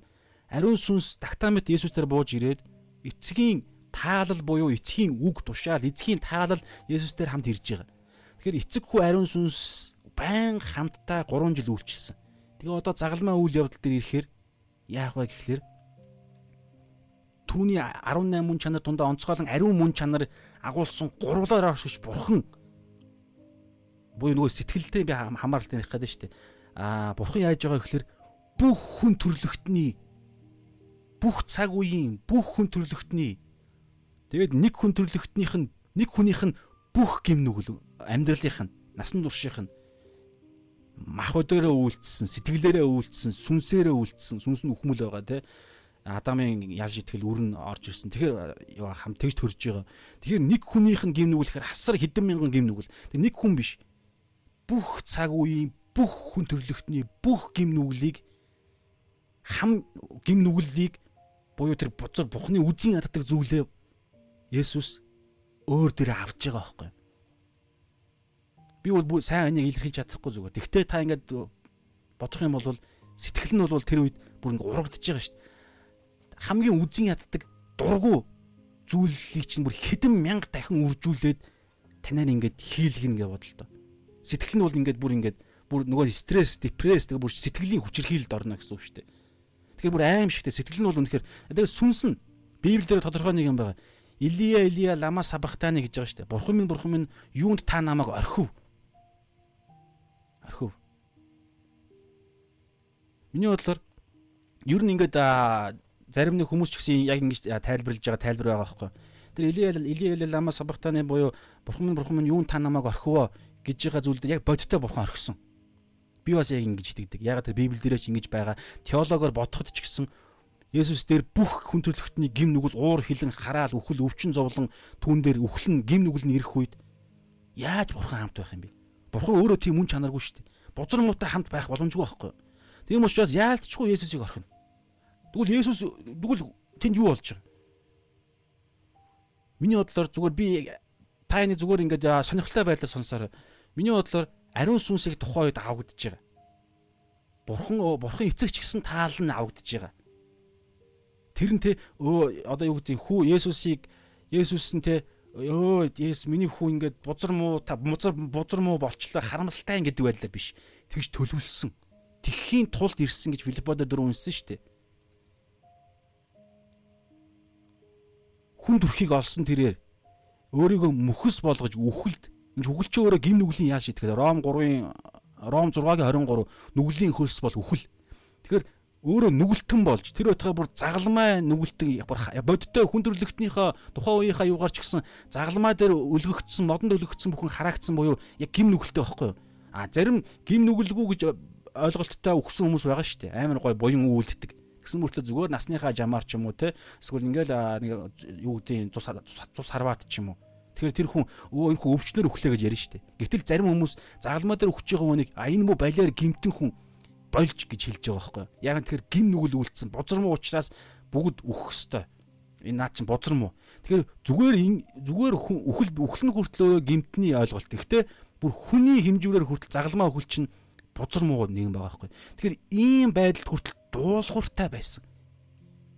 Есүс өөрөө санаачилсан гэхээс илүүгээр эцэг нь Иохан 3:16 дээр бурхан аавыг хэлж штэ бурхан аав гэсэн үг баг бурхан аав ертөнцийг үнэхээр хайрласан учраас цорын ганц хүүгээ ертөнц рүү илгээсэн. Тэгээ 17 дээр нь яллахаар биш аврахаар илгээсэн. Тэр хаашаа илгээж байгаа юм хэрэг загалмаа өхөл рүү гимтэн байхаар илгээсэн. Тэрэнд нь дуулууртай байсан. Тэгэхээр эн чинь анханасаа төлөвлөгдсөн байсан гэсэн. Тийм учраас ариун сүнс бурхан аав аавын сүнс загалмай тэр 3 цагийн турш нар харангуулсан гэж байгаа байхгүй одоо одоо энэ манай энэ ромын цагаар бол те өдрийн 12-оос 3 цаг хүртэл нар харанхуулаад яг библ дээрээ тэгж байгаа хуурахаар яг ингэж цаг нь тэгж тарж байгаа. 3 цагийн турш нар харанхуулаад тэгээд одоо өнөөгийн цагаар 3 цагт Иесус үхсэн байхгүй. Эцэг одоо бүх бүгд гүйцлээ. Таны гарт би сүнсээ даатгая гэдэг хүч байгаа. Гэхдээ 3 цагийн турш харанхуулсан. Тэгээд энэ энэ 3 цаг ч гэдэм үү те загалмаа үйл явдлын үеэр ариун сүнс эцгийн таал авагдаж байгаа. Гэхдээ хүүгийн сүнс яах юм? Есүс анх эхийн хөвлөд ариун сүнсээр ингэж бүрлдээд эхийн хөвлөд төрж байгаа шүү дээ. Би би бүр нилээн чааш нь ингэж одоо сунгаж шүү. Яахтар ингэж судлах шаардлагагүй. Гэхдээ зүгээр сонирхолтой бодогдож байгаа учраас хуваалцмаа санагдаж байна.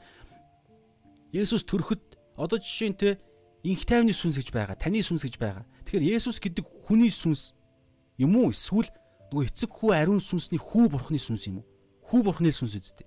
Хүү өөрөө хүн болж ирж байгаа шүү дээ. Энэ түрүүн Филиппа харсан шүү дээ. Тэгэхээр загалмай дээр сүнс нь ингээд ариун эцэг хүү эцэг эцгийн сүнс, ариун сүнсийн сүнс, эцгийн сүнс, ариун сүнс ингээд гим гим нүгэл бүх хүн төрлөختний гим нүгэл орж ирж байгаа учраас авагдлаа Тэрнтэй адилхан хүүч гэсэн ариун шүү дээ. Тэгэхээр хүүч хүүгийн сүнс ч гэсэн авгатгаар чи шууд үхэн гэдэг ойлголт шүү дээ. Сүнс биенээс салахад л үхэл болдог шүү дээ. Гэхдээ амьд ярьж байгаа байхгүй. Эцэг Элиялал амаас сабахтаны буюу аава бурхан минь юу ааваач гэв хаард сонирхолтой бурхан минь. Бурхан минь бурхан минь юунд та намайг орхив? Абба гэгүй Элия, Эли гэдэг чинь өөрөө бурхан гэдэг үг шүү дээ. Элохим гэдгийг Эл, Эл гэдэг санаа Тэгэхээр бурхан хүн гэдэг харилцаатай яри ярилцж байгааз. Тэгэхээр яг жинхэнэ хүний хүү гэдэг төлөв байдалтай ирж байгаа. Тэгтэл сүнс нь бурханы. Тийм учраас түрүүний сэтгэлийн өхөл гэдгийг гаргаж ирээд байгаа юм тэр байхгүй. Тэгэхээр ийм тэгэд үхсдийн орн руу хүртэл тэнд очиж байгаа. Тэр тэр нарийн ширийн 3 өдрийн юм зүйлсүүдийг айхтар судлаагүй. Тэгэхдээ тэр үхсдийн орн гэдэг бол тамын хилээгүй шүү. Нөгөө нэг үхсдийн оронд Авраамийн өвөр буюу Paradise гэдэг хиллэг байгаа. Деваачин нөгөө талдаа шиол миол гэл нөгөө нэг там гэдэг хиллэг нь байгаа. Мэдээж тамд очиагүй шүү дээ. Очих боломжгүй. Энд юунд л очиж байгаа Авраамийн өвөр. Тэгээ тэндээс янз бүрийн болж байгаа. Гэхдээ ямар ч байсан ингээд сүнс нь хүртэл бурхнаас салс энэ гурвал сална гэдэг ойлголт чинь бүртэл юр хусын ойлголт боломжгүй байхгүй? Гурвал байн нэгдмэл байдал байдаг. Тэр утгаараа түрүүн бид нар юун дээр яг 17-гийн залбирал дундтай сүүлийн 20-26 дэх залбирал дээр бид эцэг та бид хоёр үргэлж нэг байдаг шиг энэ итгэгч нар бид нартэй нэгд байхын төлөө залбирж байгаа шүү дээ. Тэгэх юм бол хоорондоо төгс нэгдэл дотор байна гэж байгаа. Гэтэл одоо энэ загалмай үйл явдал дээр эцэг хүү салаад байгаа байхгүй. Таны төлөө миний төлөө сүнс нь үхлийг үзэж байна гэсэн Есүс. Одоо ийм л байдлаар ихний байдлаар тэгээ чааш нь ингээд судлаад насан туршдаа те ингээд загалмаа Есүсээр очих очлоо Библи судлаа да бясалгаа даруй сүнстэй харилцах үед энэ бол маш юр бусын ойлголт бүр аимшигтэй өхөл яригдана гэдэг нь бод бодтой байгаад байгаа шүү. За тэгэхээр бурхны уур хилэн а тий тэгээ энэ нэвшдэ те энэ түрүү эли эли гэдэг байгаа эли эли ламбас сабахтаны буюу бурхан минь бурхан минь юунд та намайг орхив бурхны хайр инрэл өршөөл нөгөө нэг яг 17 дээр байсан ертөнцийн сураас өмнө та намайг хайрлсан гэж хэлсэн шүү дээ. Тэр хайр нь оронд нь юу үлдэнэ гэж бурхны уур хилэн Есүс тэр үлдэж байгаа байхгүй. Тэгэхээр бурхан орхин ер нь ингээ библийн санаагаар бурхан хаасайг оршдог. Хаасайг оршдог. Үхсдийн оронд хүртэл оршдог гэж дуулал дээр байгаа шүү дээ. Гэхдээ энэ Есүс орхиод бурхангүй нэг хэсэг газар бий болж байгаа юм шиг. Тэгэхээр Библиэлд ингээд бурхан орхиод яв мов гэдэг дээр иймэрхүү хиллэг тавншихаараа а бурхан байхгүй газар гэж байдığım байна гэж бити бодоор. Бурхан гурван байдлаар оршдог гэж би урд нь хэлсэн шүү дээ. Ойлгож ухаарсан юм хаваалцсан. Нэгдүгээрт бурхан ивэж өрөөхийн тулд оршдог. Энэ бол Библийн гол санаа. Библи үүний төлөө хүн төрлөختний түүх одоо өрнөж байгаа. А ивэхийн төлөө. Гэхдээ бурханы бас нэг орших оршдог хэлбэр нь хараахын тулд харааж яллаж шийтгэхийн тулд а бас нэг гурав дахь нь байгаа. Дунд нь гэж би гаргаж ирэх туртай. Дунд нь зүгээр тогтоон барихын тулд. Тэгэхээр энэ дэр ингэж байгаа. Одоо энэ гурав дээр ивэхийн тулд Есүс Христ Бурхан өөрөө загалмай үйл явдлыг ингэж илгээсэн. Ивэхийн тулд. За ингэж ивэхийн тулд.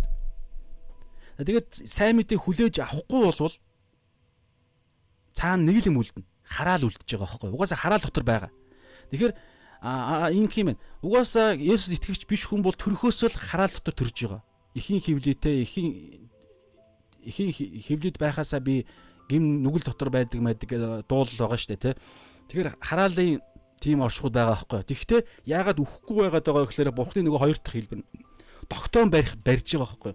Нөгөө ерөнхийн нэгүс гэж байгаа. Өглөө болгон нар мандуулж гимтэн хүмүүсүүд ч гэсэн амьсгал өгөгдөж, бороо өгөгдөж, нар өгөгдөж, ээж, аав, хань, ижил нөгөө хайр, сайн сайхан юм энэ дээр байгаад байгаа шүү дээ. Гимтээ мөртлөө Есүст итгэдэггүй мөртлөө байгаад байгаа. Тэр нь тогтоон бариад байгаа байхгүй юу? Аа тэгээд энэ тогтоон барих нь хугацаатай. Хамгийн урт нассан хүн бол 969 гэж Метусела гэдэг хүн байгаа. Ноагийн элен цүгэн. А тэгээд дараагаар нь Ноагийн үеэс эхлээд 120 болж байгаа. Тэгээд дуул ном дээр 70 гэж хэлж байгаа. Тэгэхээр ойролцоогоор одоо бол нэг 70-аас 100 орчим ч юм уу те. За үсрэл 100 орчим юм уу те. Ийм л хугацаанд бурхан тогтоон барина. Гэхдээ энэ бүгд ийм биш тэр хүний өөрийнх нь гим нүгэл янз бүрийн дэлхийн ертөнцийн сүрэл мөрөл энэ уруудж явал дэлхийн ертөнцийн цаг агаар магаар тухайн хүн хар тамхи татд юм уу яа дээ тэг элдв янзын юмнасаа болоод эсвэл зүгээр гим буудалцаа муудалцаа идгээсээ болоод тогтоон барих хугацаа нь зарим хүмүүсүүд баг байгаа. Зарим нь төрөнгүүтлээ. Янз бүр тэг энэ бүр ингээд цаашаа ядлах юм бол өөр янз бүрийн ойлголтууд гарч ирнэ. Тэгэхээр ингэж тогтоон барих хугацаанда ерөөлөөр ерөөл ерөөхийн тулд орш ерөөх ганцхан арга зам нь Йох 14:6 дээр би бол цорын ганц зам үнэн ам болсон.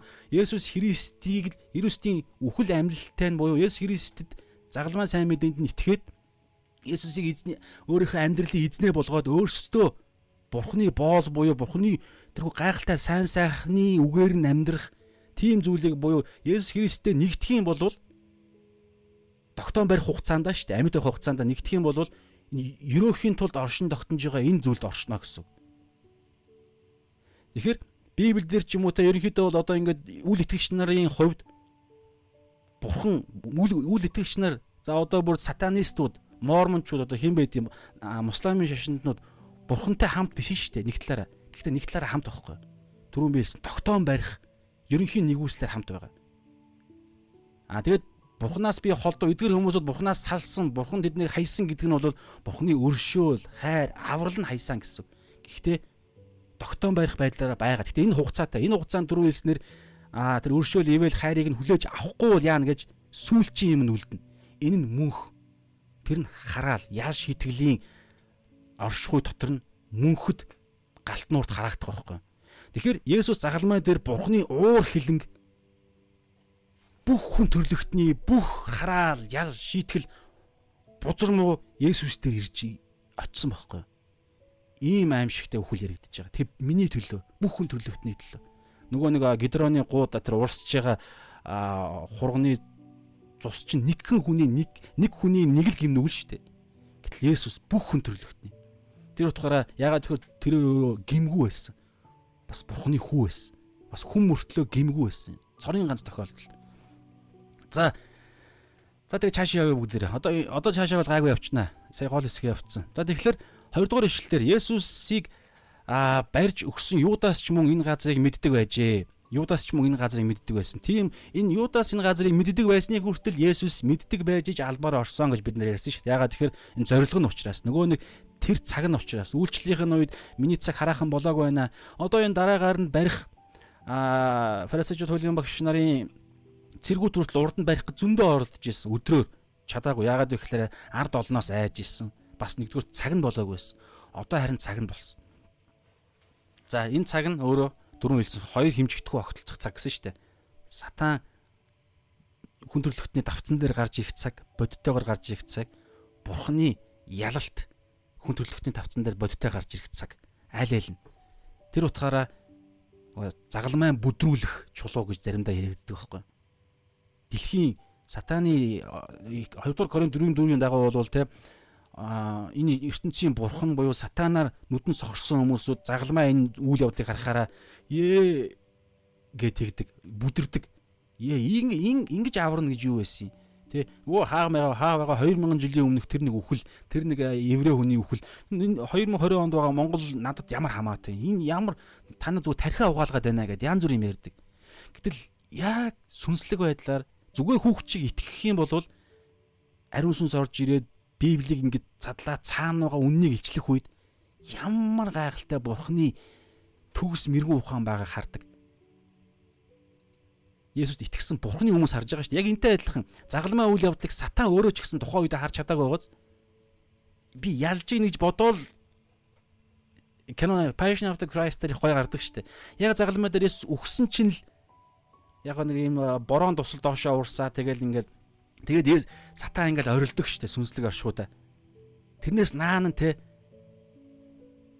өөрөө ялж ийн гэж ойлгоод байгаа байхгүй. Тэгэл ташуурдж явахдаа баярлаа, инээгээл ялж ийн да гээл.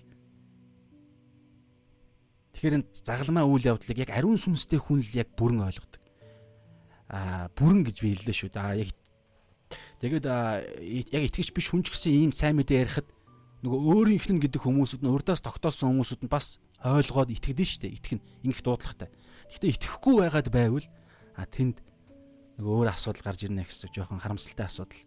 Тэгтэл эцсийн хүртэл бид нар сайн мэдээ тараасаал байх, хичээсэл байх хэрэгтэй шүү дээ. Дамаа хайртай хүмүүс нь байвал Йохан 6-гийн 44 дээр хэлж байгаачлан бид аав руу ханд залбирах хэрэгтэй би бол боддог. Би бол ховдоо шүү. Миний хувийн хувийн итгэл Бурхан аав хин нэг нэг хүү рүү татахгүй бол хин ч хүү рүү чадахгүй гэж байгаа байхгүй.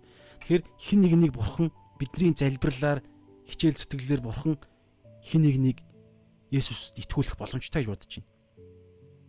Гэхдээ энэ жоохон Тэгээ теологи заримдаа жоох энэ яг энэ бол арай өөр юм яригдаж магадгүй. Ягаад гэхээр бурхны урдаас мэдэх мэдлэг бол төгс واخхой. Бид бүрэн ойлгож чадахгүй. Зарим хүний угаасаа мэдж байгаа. Харамсалтай. Тэгтэл бид хийх юм аа хэрэгтэй. Цусны буруутан болохгүй бол гэж бас ярьдаг шүү дээ. За, тэгэнгүүт л э, Юдас ч юм уу энэ газрыг мэддэг байжээ. Тэгээ учир нь Есүс тэнд чавнартайгаа олонтаа цугулдаг байсан. Тийм учраас мэддэг байсан. За, гурав. Тэгтэл Юдас цэргийн баг. За, энэ дээр бол яг энэ зарим англи орчуулгууд дээр байгаа Ромын цэргүүд гэдэг үг шүү энэ яг цэргийн баг гэдэг нь бол яг тухайн тэр яг грек хэл мэлийн ингээд судлахаар бол энэ ромын цэргүүд байгаа. Цэргийн нэг анги тодорхой цэргийн нэршил байгаа байхгүй юу? Цэргийн баг нэг тодорхой тоотой би энэ доороо суулцъя. Тэгэхээр ромын цэргүүдийг болон ахлах тахилч нар болон фарисеучудаас фарисеучудаас харуулуудыг юудаас хардаа дагуулж ирсэн байгаа. Тэгээд тэд тэдгээр цэргүүд дэнлүү бамбар зевсэг барин хурж ирсэн. За гурав дээр нэг жоох юм ярилцсан.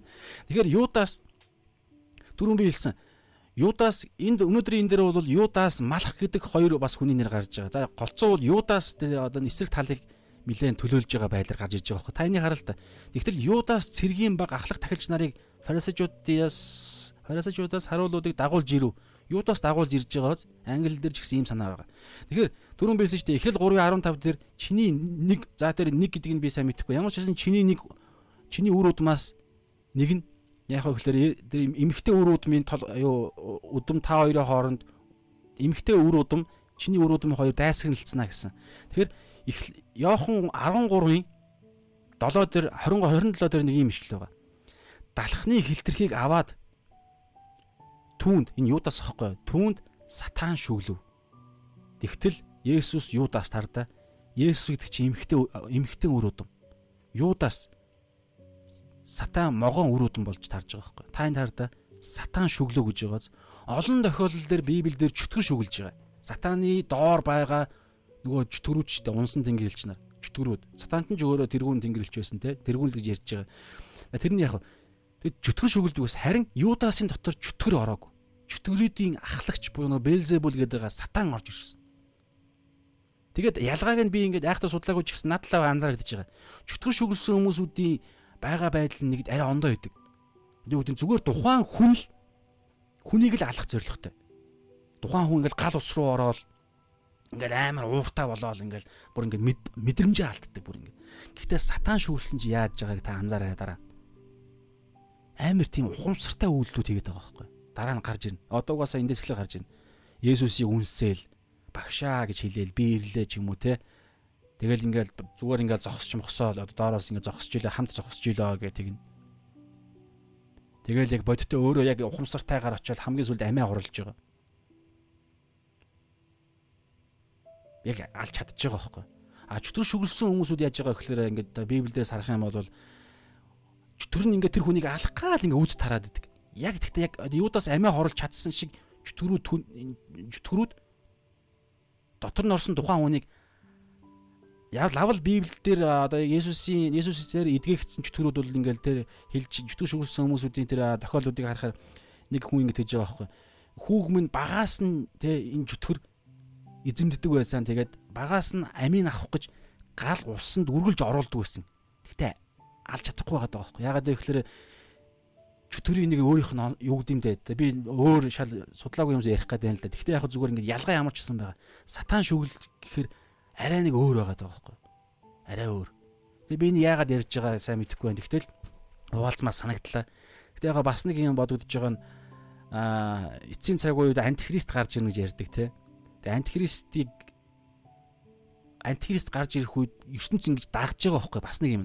ертөнц ингэж сая л бодогдож байна л да. ертөнц ингэж антихристийг дагна. Тэгэхээр миний бодлоор яг энэ яг юудаас сатан шүүрлсэн шиг тэр антихрист ертөнцид гарч ирэх тэр антихрист гэдэг байгаа тодорхой нэг хүн байх байж байх талаар зарим хүмүүс ярьдаг. Зарим нь бол ингээд ер нь ингээд нэг юм янз бүрийн ойлголтууд ярьдаг. Тэгэхээр ямар ч байсан ингээд яг ухамсартайгаар Есүсийг эсэргүүцэж байгаа эсрэг тийм хүн хүч байгаа тохиолдолд магадгүй сатан шүүлэх тийм ойлголт байгаа юм шиг. Би зүгээр судлаагүй зүгээр сая л бодогдсон юм хаваалцж шүү. Тэгэхээр та авах гэхийн ухаанаар андараа. Ямар ч байсан бичээс дээр бол маш тодорхой 13 27 дээр Юдаас сатан шүглөө гэж байгаа. Тийм богоц сатан дотор нь орсон. Тэгээд Есүс Юдаас юу гэж хэлсэн бэ гэхээр үйлдэх юмаа түргэн үйлдгэлээ. Энэ үйлдэх юм нь урвах. Тэгээ энэ үйлдэх юм чинь гитсмэн рүү очино. Тэгэхээр Есүс угаасаа мэдчихсэн. Ингэж хэлчихэд тэгээ жоохон хитгэн цагийн үйл явдал болж байгаад Есүс гитсмэн рүү очино. Тэгэхээр үйлдэх юмаа үйлдэхээр ирнэ гэдгийг нь Есүс мэдсээр байж очиж байгаа байхгүй. Сатаныг дотроо тээсэн өөрийнх нь байсан нэгэн өөр дээр нь ирээд ирнэ гэдгийг мэдж байгаа. Энийг энийг би яагаад хэлсэн бэ гэхээр түрүүний эхлэл 3:15 дээрээс холбож байгаа нэгдүгээрт. Тэгээд Юдас маш ухамсартайгаар ирээд одоо энэ дараа нь хийж байгаа нэг үйлдэл байгаа. Тэрэн дээр нэг маш зөвүү юм анзаарэгдэн. Тэрийг би доор нь ирэхээр нь хуваалцсан. За гурав дээр ингэж байгаа. Гурвлуугаа бүгдээр очие. Тэгэхээр тэгтэл цэргийн юудаас цэргийн баг. За энэ дээр яг энэ цэргийн баг гэдэг тэр нэг грек үгэнч байгаа энэ судал судалсан хүмүүсүүдийн тайлбараа ингэж байгаа байхгүй. Энэ цэргийн баг нь ойролцоо ойролцоогоор биш. Тухайн үедээ бол яг 600 цэргийг а цэрэг бүхий тэр нэг юм багийг нэрлэлдэгт нэршил байдаг гинэ. Тэгэхээр Есүс дээр маш олон хүн ирсэн гэсэн үг байхгүй тэр гитсмэн цэцэрлэгт тэрийг хэлэх гээд байгаа. А тэгвэл онцгой зарим нэг тохиолдолд юу гэдэг онцгойч байх хэрэгтэй нөгөө нэг арай нэг одоо яг юм дайн тулаан биш нэг өөр тохиолдлууд дээр 200 багада 200 хэмжээний энэ цэргийн анги гэдэг нь баг гэдэг нь тийм хүмүүс байдаг гинэ. Тэгэхээр 200-аас ойролцоогоор 600 цэрэг. Тэгвэл 12 дугаар ишлэгийг хатаа унш та. Тэгэх юм бол энэ дэр нэг юм үг байгаа. Ингээд цэргүүд мянгатын дарга болон гэж байгаа. Тэгэхээр бүр удирдахч, командер те, командлагчтайгаа ирж байгаа байхгүй. Тэгэхээр яаж ч утсан хэдэн зуун цэрэг 200-аас бүр 600 гэж яриад байгаа байхгүй. Тэгэхээр за 600 цэрэг Ромын цэргүүд. Дээр нэмээд а фарисеучуд болон тэргүүн тахилч. Тэгээ тэргүүн тахилч нар гэдэг бол хэлсэн шүү дээ. Би урднаас ярьжсэн та хамт байсан бол тухайн үед ромчуудын ромын харьяалд байсан учраас израилчуудыг удирдах санхедрийн буюу Монголоор бол улсын хурлынх нь удирддаг тэргүүн тахилч нь ромчуудад өөрт нь таалагддаг өөрсдөө нөгөө үр төрөндөө ордог бүлэглэл болох садукачудаас та нар тавьж байгаарэ гэж израилчуудад хэлсэн байгаа байхгүй. Тэр утгаараа тэргүүн тахилч нар Ромын дарангуул дор байхдаа байн садукачуд байдаг. Энэ садукачуд ч өөрсдөө хуучин гэрээнийхээ зөвхөн ихний 5 номонд итгэдэг. Үлдсэн 34 номонд итгэдэг үү? Тэгээд тэнгэрэлч нарт итгэдэггүй чөтгөрч итгэдэггүй дахин өгөхийн дараах яг бодиттой энэ амьдралд итгэдэггүй зүгээр нэг юм сүнсэн байдлаар байж гинэ гэдэг. Тэгээ амар ер нь гаж урсгал واخгүй яг бодиттой гарч урсгал. Тэгээ гаж урсгал болон Библийг улаан Библийн тэгээ одоо нөгөө бүр Библийг бүр амар нөгөө нэг бүр ингээд Библиэл дээр бүр нэмж янз бүр юм гаргаж ирсэн бүлэгл. Ямар ч чинь фарисеучуд нь фарисеучуд нь арай дээр. Гэхдээ л эдгээр чинь бүр ингээд Библийг бүр амар завхруулсан. Гэхдээ энэ хэлэх гээд байгаа санаа энэ хоёр хоорондоо үргэлж зөрчилддөг. Та Үйлс номон дээр ч гэсэн Паул баригдах үедээ фарисеучуд садукачуд хамт байгаа харангуутлаа өөрөө фарисей хүн байсан учраас нөгөө дахи үхлийн дахин амилтын үхлийн дараах амилтын талаар ярьж иж энэ хоёрын хооронд нь маргаан үүсгэж иж тухайн үед фарисеучудаас өөрийнх нь талд бас тааллыг жоох авч ирсэн шүү дээ. Паулын нэг тийм мэрэгүү ухаан.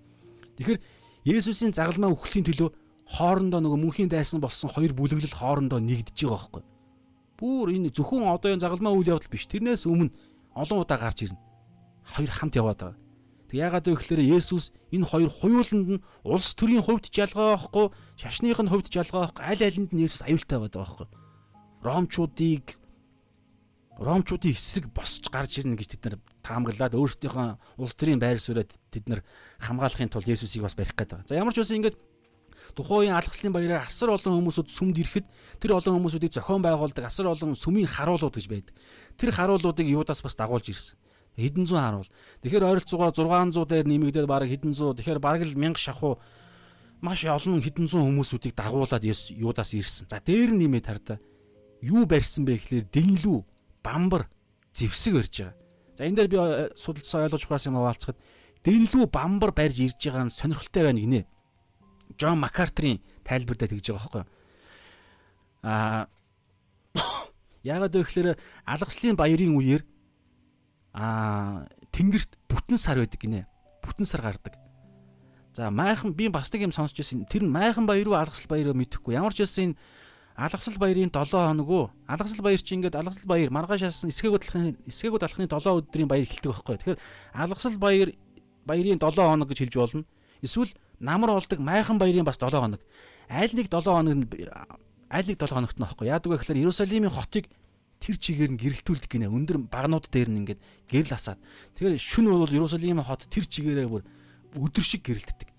А тэр нь майхан баяр байж магадгүй би зүгээр мартаад байна.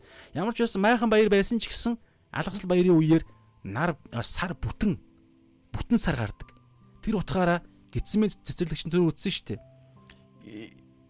Энд хажуухан талд нь байгаа. Тэгэхээр энд гидсмэн цэцэрлэгт энэ дэнлүү бамбар хэрэггүй байхгүй юу? А тэгээд Джон Маккартер юу тайлбарлаж байгаа гэхээр тэгээд яагаад тэд нар дэнлүү бамбар байрж явж байгаа вэ гэхээр дэнлүү бамбар дээр нь нэмээд зевсэг тэгээд хэдэн зуун бараг мянгаад цэргүүд барьж яагаад ирж байгаа вэ гэхээр эцсийн цохилт тэгээд бүр гарах гарцгүй тэгээд цаашаага тэд нар Есүс болон дагалдагч нарыг цухтаах магадaltaй гэж бодсон гэж хэлж байгаа байхгүй бодсон байх магадлал маш өндөр. Ягаад гэвэл бамбар хэрэггүй, дэнлүү хэрэггүй байсаар дэндүү бамбар барьсан нь хэрв тэд нар цаашаага цухтаавал энэ гидсмийн цэцлэгч ингэ тэр чигээр модтой Тэгээд модон дундуур ороод ингээд зүхтаан. Тэгээд цаашаагаа ингээд те ингээд зүхтаавал юу хэрэгтэй? Бамбар цаашаагаа үргэлжлүүлэн хөөх зоригтойгоор бамбар дэнлүү барьж ирсэн гэдэг тийм бас тайлбар гаргаж ирж байгаа байхгүй. Тиймээс юу хэлэх гээд байна вэ гэхээр бүр зайлшгүй барина. Тэгээд албаар шөнөөр барих зоригтой. Урд Мата Марк лугтаж гисэн байгаа шүү дээ. Яагаад та нар өдрөөр намайг бариагүй хангалттай барих байсан. Харин та нар одоо барьж байна. Яагаад тэгэхээр тэд нөгөө нэг ард иргэдээс айж исэн асар олон хүмүүс аргаслын баяраар байгаа. Дээр нэмээд Есүсийг Месиа гэдэг хүмүүс зөндөө байгаа шүү дээ. Тэгээ шүнээр барьж байгаа. Тэгээ яг Мосегийн хуулиндаа бол шүнээр шүүх хурал зохиох ёсгүй гэж байгаа байхгүй. Өдрөөр. Гэтэл албаар хуулаа зөрчин байж эдгээр Есүсийг барьж байгаа. Тэгэхээр шаал ондоо энэ шашныхаа юм хийж байгаа юм биш. Одоо юу гэдэг бурхны хуулийг сахиж байгаа юм биш. Бузар мууныг нэг те хуурамч иш үзүүлэгчийг гаргаж ирээд алах ёстой гэд тэр хуулийг биелүүлж байгаа юм шиг хийж байгаа мөртлөө үгүй байгаа даа байхгүй яг хуурамч гэдгийг нь батлах яа яаж баталж чадахгүй байгаа мөртлөө бид нар зүгээр л фарисеучуд нь бол өөрсдийнхөө тэр байр сууриа садукачуд ч гэсэн улс төрийнхөө байр сууриа хамгаалах зорилгоор эдгээр Есүсийг алж байгаа. Өдрөө чадахгүй учраас шөнөр. Тэгээд зевсэг барьж ирж байгаа. Яагаад бүгд зевсэгтэй ирж байгаа гэхээр Есүс үйлчлэлийнхаа эхэнд нэгдүгээрт хоёрдугаарт үйлчлэлийнхаа төгсгөлд буюу одоо энэ өнөөдрийн болж байгаа үйл явдлаас ойролцоогоор те нэг 4 5 6 хоногийн өмнө ч юм уу Иерусалимд орж ирээд хоёр дахь өдөр нь Иерусалимийн сүмийг цэвэрлж байгаа дээ. Үйлчлэлийнхаа эхний алгасал, үйлчлэлийнхаа сүүлийн алгасал дээр хоёр удаа сүмийг цэвэрлэх буюу сүм дотор байгаа бүх тэр худалдаач тимийг Есүс ганцаархнаа ингээд юу ширээг нь хөмрүүлээд худалдаачдыг хөөж байгаа байхгүй сүмээс хөөж ганцаараа нэг ийм тогшин уур хилэн. Гэтэ энэ нь болохоор бид нар үзсэн шүү дээ. Тэнгэрлэг уур хилэнг иш үзүүлсэн гэж бид нар үзсэн те тун утахгүй. Яг бодиттой Израильчүүдийн хувьд бол ойролцоогоор 40 жилийн дараа Иерусалимийн сүмийг Ромчууд ингэж бүгдийг нь нэг чулуун дээр нэг чулуу үлдэхгүй батал бүгдийг нь устгасан байхгүй. А тэгвэл бүр бодиттой хамгийн аимшигтай уур нь юу гэхээр нөгөө үхлийн дараах мөнхийн уур хилэн. Түрүүн хэлсэн шүү дээ. Загалмай дээр түрүүний түрүү ярьсан бурхны уур хилэн Иесус үүрсэн бидний өмнөөс. Тэгэхээр энэ уур хилэн үүрсэнтэй нэгдэг уул нэгдэхгүй хүмүүсүүд өөрсдөө бодиттойгоор уур хилэн хүртэн шүү дээ. Тэр уур хилэн хүртэл Есүс иш үзүүлж ерөөсөл сүмд уур хилэн бурхны уур хилэнгийн энэ тэм бэлэг тэмдэг үйлдэлсэн байхгүй. Тэгэхээр энийг ямар ч байсан харсан. Дээр нэмээд ард ард иргэд ч гэсэн асар олноор Есүс босвол тэд нар тэр ард иргэдийг ч гэсэн өөдөөс зевсгээр а барих тэ доктон барих зорилготой Есүс ч гэсэн өөрөө бас тэ нэлээд тийм догшин уур хилэн харуулсан учраас ер нь энэ аюултай гар юм шүү гэж бодож байгаа байхгүй. Тэгээд а Ромын цэргүүд чинь тэр Галил аймгийн хойд Цезар Филипп гээд нутагт ерөнхийдөө ромчууд байдин гинэ. Яг тэр нэг гол нь тэр юм удирдахчт нь. Тэгэд алгасал баяр, майхан баярын онцгой баярын үеэр урагшаага ирээд Иерусалимд ирээд бүр Иерусалимийн хотын тэр хойныг юм цамхаг дээр байгаад хотыг хяндаг гинэ. Тэр захирагч нь одоо Понти Пилат ч юм уу те. Тэгэхээр яг энэ үед чинь яг э, Ромод урагшаа ирцэн байсан үе байхгүй. Тийм учраас асар олноороо ингэж маш чухал онцгой бослог гарах магадaltaй үе учраас маш аш холбогдол өгж энэ олон цэргүүдийг Юдасаар өдөрдүүлж явуулсан байгаа даа байхгүй. Юдас яагаад чухал вэ гэхээр барьж өгөх зорилготой. Хин тэр нарийн бас юм байгаа. За тэгээ цаашаа явъя. Тэгээд энэ дунд Есүс Юдас эренгүүтэл Есүсийг үнсдэг. Үнсдэг. За энэ дэр а яг түүхэн хамсад дээр бол те одоо нэг хөлийг хөлийг үнсэх гэдэг үнсэлт байдаг. Хин нэгний хөлийг үнсэх. Тэр нь бол зөвхөн боол үнсдэг. Боол эзнийхээ хөлийг үнсдэг. А гар үнсэх гэдэг тохиолдолд нь доод албан тушаалтан доод зэрэглэлийн хүн дээд зэрэглэлийнхаа хүнийг гарыг нь үнсдэг. За хацар дээр одоо энэ юудаас ихээс үйлдэлхгүй нүүрэн дээр нь буюу хацар дээр нь үнсэх. Энэ нь бол бүр дотн харилцаа. Анд нөхөд ийм доод дээд төвшин биш яг зэрэгцээ тэнцүү зинда төвшин гэдгийг илэрхийл. Тэгээд зинда гэдэг нь нөгөө яг бид нар бүр амар дотн хайртай найзууд дотн нэгэн гэдэг утгаараа хацар дээр нь үнсдэг. Юудаас ингэж үнсэж байгаагаараа Матай Марк Лук дээр ч гэсэн байгаа раби гэж багшаа гэж дуудаж байгаа байхгүй. Тэгэхээр багшаа би ирлээ гэдгийг илэрхийлээд. Тэгээ би танд хайртай шүү гэсэн илэрхийл. Дийхтэй түрүү хэлсэн шүү дээ. Йохан 13:27 дээр сатан шүглсэн байсан. Тэргээс мэдчихсэн. Тэгээд Юдас хэлсэн шүү дээ. Үйлдэх юма түргэн үйлд гэж хэлсэн. Тэгээд Есүс Юдас ирэнгүүт Есүсийг үнсээд сатаны үнслэхгүй. Гаднаа бол зүгээр л 10 12-ын нэг нэг газраас яваад эзэн минь найз найзаг нэ багшаа би оройтчлоо гэд ингээд үнсэж байгаа юм шиг үнсэлт. Гэтэл Есүс тэр дорн багийг нь тайлал Есүсийг аа Юдаст хэлсэн. Чи үнсэлт тэр хүүг хүүг барьж өгж гин үү те гэдэг байдлаар хэлж байгаа дээ. Тэгэхээр би яг энэ цаана хальт нэг бодогдсон юм товчхон дуртах зүгээр хайртай гэдэг илэрхийлэл. Хайртай шүү гэдэг. За яг үг нь яг те хайртай гэдэг илэрхийлэл те а Есүс ч гэсэн хэлсэн дээ. Хоньны арьс нүмерх нүмерсэн чон та нарын дотор орж ирэх үе болгоомжлоорой үр жимсээр нь ялгаж салгаараа гэдэг юм ярьдаг. Тийм учраас гаж урсгалууд бол байнга яг ийм яг эднэр байхгүй. Гаж урсгалууд би тэглээгээд би тэр яг хүнийг нь үзий ядараа хүнийг нь ерөөсөө сайн мэдээ тараахгүй байгаараа ерөөс хэлээгүй шүү. Хүнийг нь бид хайраараа үннээр аврахал зоригтой гэрчлэлээр. Гэхдээ цаана нь сатан байгаа байхгүй. Тэгээд тэр сатан тухайн үнийг тэр ашиглаж дотор нь шүглдсэн байдлаар Юдасыг одоо үнсэж штэ. Барьж өгч байгаа мөртлөө үнсээд бүр энэ дотны хайрын илэрхийл. Гэхдээ цаана үхлийн үнсэлт байгаа байхгүй. Яг л нөгөө могоо өсгийг нь хатгаж байгаатай адилхан байг тэ. Тэгэхээр түрүүн зөв бодогдсон юм нь үнэн. Үнэн хамгийн чухал Библийн үнэн. Тэрнээс биш мөнгө гой буян үйлдэл те одоо юу гэдэг а манай одоо юу гэдэг ямар нэгэн тэр нэг бурхны Есүсийн хүн гэсэн мөртлөө мөнгө өгөөл ивэл ирүүл өгөөл хайртайгаа илэрхийлэл хоолнд даагаал энэ нь биш те? Энэ гой зүйл шүү дээ бид ингэх хэрэгтэй бүр. Ингэх энэ маш чухал. Тэгхтээ энэ зүйл чинь гол зүйл нь биш байхгүй яг Есүсийнхний гол зүйл нь энэ биш. Гол зүйл нь юу гэхээр ерөөсөө үнэн. Есүсийн дотор байна уу? Есүсийн Есүсийнх болсон уу? Есүсийн боол болсон уу? Есүсийн үгээр нь сүнсээр нь явдаг уу? Тэр нь хизээ илэрх яг үр жимсээр нь. Амьдрал дээр нь. Тэг яг ингээд би таныг одоо жишээ нь за би тэр хүн байлаа гэж бодоход а та миний эсэг намайг хохирох үед би таныг уушилж байгаа байдлаараа. Тэгээ би таныг бүр ингээд зас залруулж барьж байгуулж өршөөж байгаа нэггүй тэгээд гим нүглийг чинь мартаж байгаа. Дахиж ерөөсө дуртахгүй дурсахгүй байгаа байдлаараа. Тэ хайр нь бүр ингээд яг тийм онцгой байдлаар илэрдэг. Өв хайрын үйлчлэл те яг боол шиг таны дотор доор орж ингэж. Эдгээр зүйлсүүд ийм сүнслэг маш тийм библийн үгийн дагах энэ зүйл байна уугүй юу? Тэгээд библийн үгээрээ амьдрж гин үгүй юу тэрнээс биш те би таны хайртай шүүгээл тэгээд мессеж бичээд хайртай шүүгээл гоо инээгээл ингээд гар барайл энэ зүйл чинь гол зүйл биш яг библийн үгээр хамгийн гол нь библийн үг тэгэхээр бид өөрсдөө хүртэл яг зөв нэгэн байхын тулд өөрсдөө хүртэл зүйл зүйл дээр зүйлээ гол зүйлээ болох хэрэгтэй байхгүй. Тэр нэг манай цуглаа гэдэг юм уу эсвэл би итгэвч хүн би нэг бусад гой харагдаж сайн мэдээ тараамаар байна. Тэгээ би машинтай болчвол тэгмээр байна. Манай цуглаа Тэгээ тийм байранд байвал би сайн мэдээ тараах байхаа ч юм уу те. Тийм газарт тийм аа зэрэглэлд байвал тэгин мэгэн ч юм уу те. Эн чинь гол зүйл биш байхгүй юу?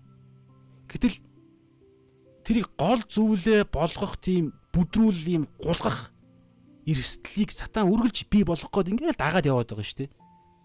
Тийм учраас байнга сонос сэрэмжтэй 1-р Петр 5:8 дээр байгаа эрүүл ухаантай сонор сэрэмжтэй байхгүй бол залхихаар гитэн явж байгаа. Тэгээл өө дунд нь орж ирэл бодол дотор ингээл яриа л те. Өө цөмөрөө одоо бараг сатаа ингэж ярина штэ. Өө тгий эзнийхээ цөмөр алдаршуулъя. Сайн мэдээ тараа. Тэгтээ одоо Монголын нийгэмд сайн мэдээ тараахын тулд бид нар одоо те тийм байранд орох хэрэгтэй. Тэ тэгжих юм бол илүү нөлөөтэй. Нөгөө нэг те юу гэдэг үлээ а нөлөө гэж ярьдаг амбиц гэдэг юм уу PR ч гэдэг үү юу гэдэг л иймэрхүү хэллэг байгаа дээ. Мэргүү ухаандаа цөмөр ажиллах хэрэгтэй. Зөв л дөө. Гэхдээ гол зүйл дээр бид нар хамгийн илүү хувь 80% одоо хит ч хэд ямар ч байсан илүү хувь нь гол зүйл буюу үннээр амьдрах, үннийг тунхаглах, номлох яг бид нар өөрсдөө үнэннийхээ дагуу амьдарч гин үү гэдэг зүйл нь хамгийн гол. Тэгээд тэр зүйл дээр 70 80 хэдэн ч үед их хүн хувь явж байгаад үлдсэн 20 30% дээрээ цөмөрөө одоо цөмөрөө А зэрэглэлийн газар байртай болъё.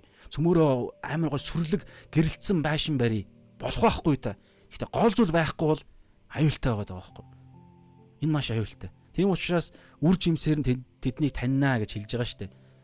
Үр жимс. Тэгээ үр жимс чинь түрүү хэлсэн шүү дээ. Яг 15 дээр бол үр жимс ямар хүнээс үр жимс гарах вэ гэхээр усан үзмийнхаа модтойгоо холбогдсон уу холбогдсон нөө үгүй юу гэдгээс шалтгаална. Яаж холбогдох юм? Сүнс ба үннээр нь амьдарч байгаа л цагт холбогдно шүү дээ, тэ. Гэтэ яг итгэж хүн бол угаасаа холбогдсон явж байгаа шүү. Үнэхээр дахин төрсөн хүн мөн л бол яг ингээд зэрэгэл юу гэдэг хэмжээ хэмжээ номдоо байдаг угаасаа тий. Ариусгалын процесс номдоо байгаа шүү. За цаашаа дөрвөлөө орё. Одоо 4-өөс 11 дээрээс маш тодорхой баримтчилгааны үйл явдал гарна. За энэ дээр цөмөрө гялтгануулна. 1 цаг 26 минут тий. За дөрөвдөр ингэж байгаа. Түрүүн бас цус дурдсан. Өөрт нь тулгарх бүгдийг мэдж байсан Есүс ургас гарч ирсэн. Бүгдийг мэдсээр байж ингэж үлдсэн. Тэгээ энэ мэдсээр байж байж Есүс урагшаа гарч ирж байгаа эн чинь өөрөө түрүүн хэлснээр өөрийнх нь зориг учраас бүгдийг мэдчихсэн. За юуг мэдчихсэн? уруулт би болохоо мэдчихсэн. Түрүүн яг 13 даа харсан бид нар бүр өөрөө бүр урд нь 13 ч биш бүр зөндөө хэлсэн шүү дээ. Бүр тэр байтугай хэдэн зуун жилийн өмнө хуучин гэрээний шүзүүлгүүд дээр ч байгаа. Түрүүн тэр байтугай түр эхлэл 3.15 дээр ч гэсэн дурдсан шүү дээ. Сатаны нэг үр удам дайсагнаа. Имхтэй үр удамтай дайсагнаа гэж. Тэгэхээр уруултыг угаасаа мэдчихсэн. Тэгээ Есүс ч өөрөө omniscience хүү бурхан. Хажууд нь ариун сүнс, дотор нь ариун сүнс байнга байсан. Эцэг бурхан байнга Иохан 5:19 30 дээр бол байнга эцгийнхаа үгээр л амьдарч байгаа.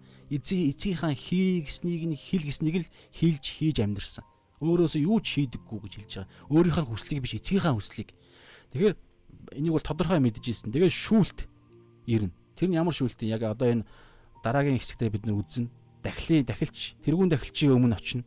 Тэгээд тэнд нарийн ширийн болно шүүлт худлаагаар шүүлтэн тэгээд тамлуулна мах өдөрөөж тамлуулна сүнсээрээ тамлуулна тэгээд үхэн энэ бүх зүйлсүүдийг мэдсээр байж ич урагшаага гизмэн цэцэг рүү орсон урагшаага гарч ирээд юу гэж асуусан бэ гэхээр ингэсэн та нар хэнийг ирнэ вэ за одоо энэ асуултыг хоёр давтж байгаа та нар хэнийг ирнэ вэ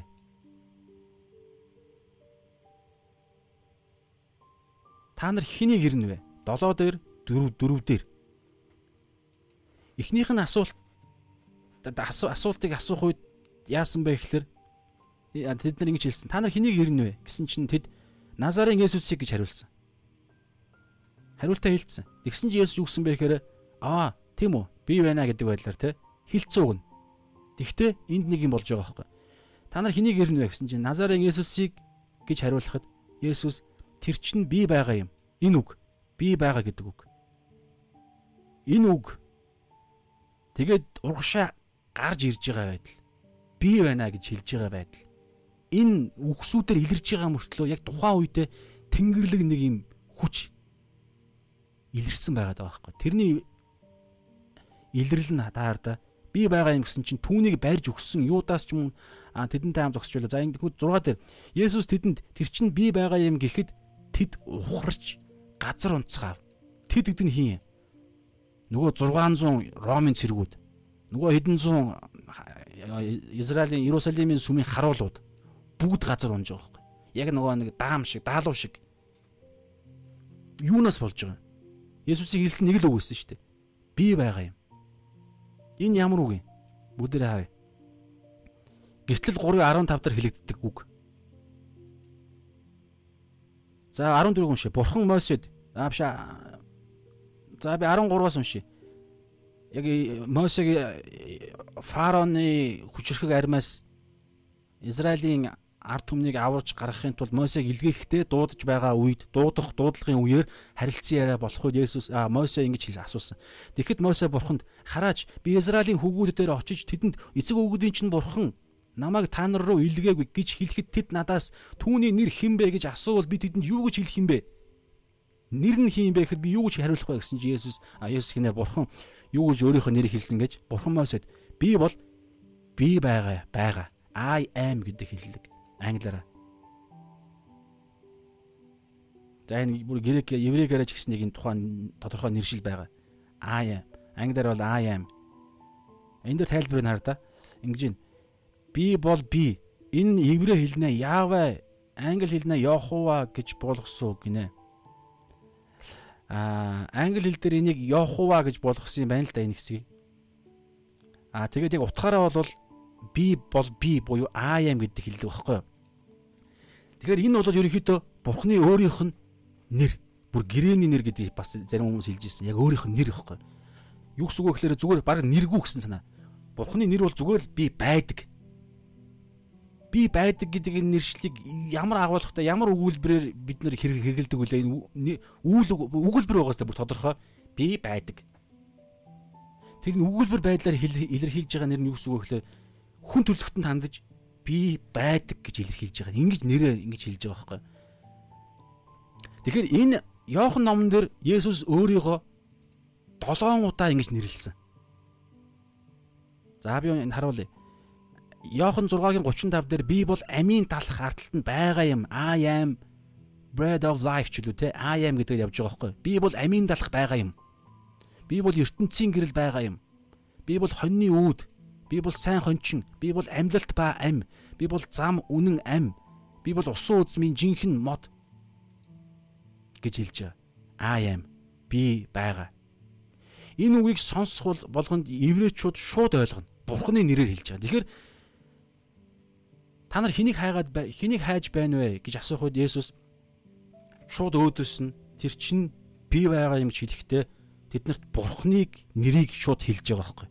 Тэгэхэд түүний нүүрний байдал, урагшаага алхаж байгаа байдал, түүний дууны өнгө тэр үед тэр дууг амнаас нь гарч байгаа дууг сонсох үе тэдний жихээр нь ороод зүрхэнд нь мэдрэгдэж байгаа тэр нэг юм айдсын мэдрэмж. Бүгд орчлын ертөнцийг бүтээсэн Бурхны нөлөө. Тэгээд энийг бичиж үлдээсэн. Тэгээ эхний энэ асуултан дээр иймэрхүү зүйл болсон учраас Есүс хоёр дахь асуусан яагаад дахин дахин асууж байгаа вэ? Нэг маш чухал юм байна. Одоо өнөөдрийн хэсгийн хамгийн гол юм. Бид нар үзсэн шүү дээ. Йохан 17 дээр хэлсэн Йохан 17-гийн тэ 17-гийн залбирал дунд 16-аас 19 дээр дагалдагч нарын хамгааллын төлөө залбирсан тэдний нэгдмэл байдлын төлөө тэ алдаршуул тэ энэ бүх зүйл чи юу вэ гэхээр яг тухайн байгаа хажууд нь зогсож байгаа 11 дагалдагч нар зайшгүй эссэн мэд гарах хэрэгтэй байхгүй. Тэгжиж энэ бүх зүйлсүүд үргэлжилнэ. Есүсийн залбирал биелэх хэрэгтэй. Одоо энэ те цаашаа хамгаал, ариусгал тэгэл эв нэгдэл ирээдүйн үе үеийн энэ сайн мэдээ үе үеийн чуулган чинь бий болохын тулд 11 дагалдагч нар бүгд эссэн мэд гарах хэрэгтэй шүү дээ. Тэр утгаараа хамгаалагдах хэрэгтэй. Тэгээд энэ дэр одоо бид нар өөс өөр энэ библиэр хүртэл нэг зүйлийг хэлсэн. Энэ иш юу хэлсэн үгээ одоо биелүүлсэн. Тийм учраас Есүс хоёр удаа асууж байгаа. За энэ яагаад? Одоо та боддоо шүүх цагт төрийн баримчилгааны үйл ажиллагаанд те цагдаа гэж юм уу цагдаа шүүхийн тэрхүү төлөөлөгч нар тухайн хүнийг гэмт хэрэгтнийг барихтаа зайлшгүй албан ёсны зөвшөөрөл зайлшгүй баримчлах тушаал байх ёстой.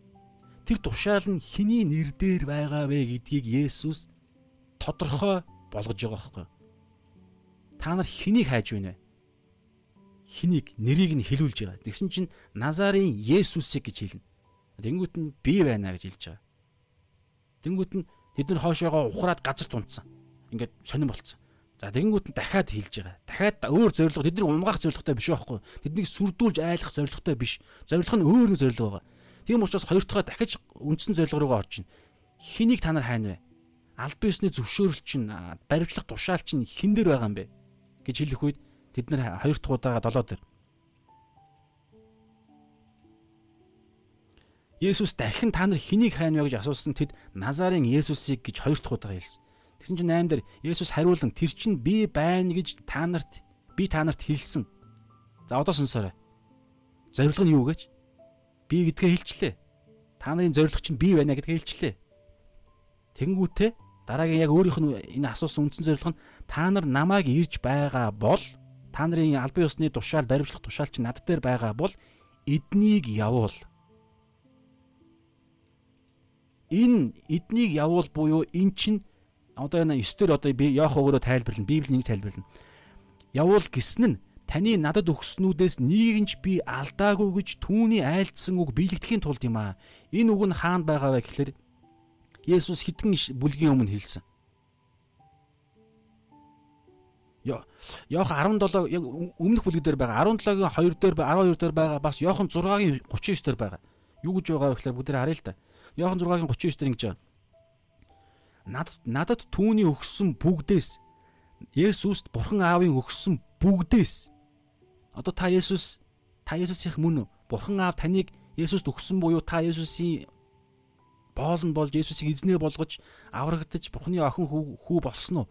Тэгвэл тэр бүгдэд бид нар орно. Тэгэхээр Есүс ингэж хэлж байна да. Надад таны өгсөн бүгдээс би юу ч юу ч алдалгүй алдаагүй юу ч алдаагүй харин эцсийн өдөрт тэднийг амьлуулах нь намайг илгээгчийн хүсэл мөн. За Иохан 17-гийн 12 дээр ингэж Тэдэнтэй хамт байхдаа би надад өгсөн нэрээр тань тэднийг хамгаалж байсан. Би, тэднийг харгалцсан бөгөөд мөхлийн хүүгээс өөр тэдний нэгэн ч эс мөхөв.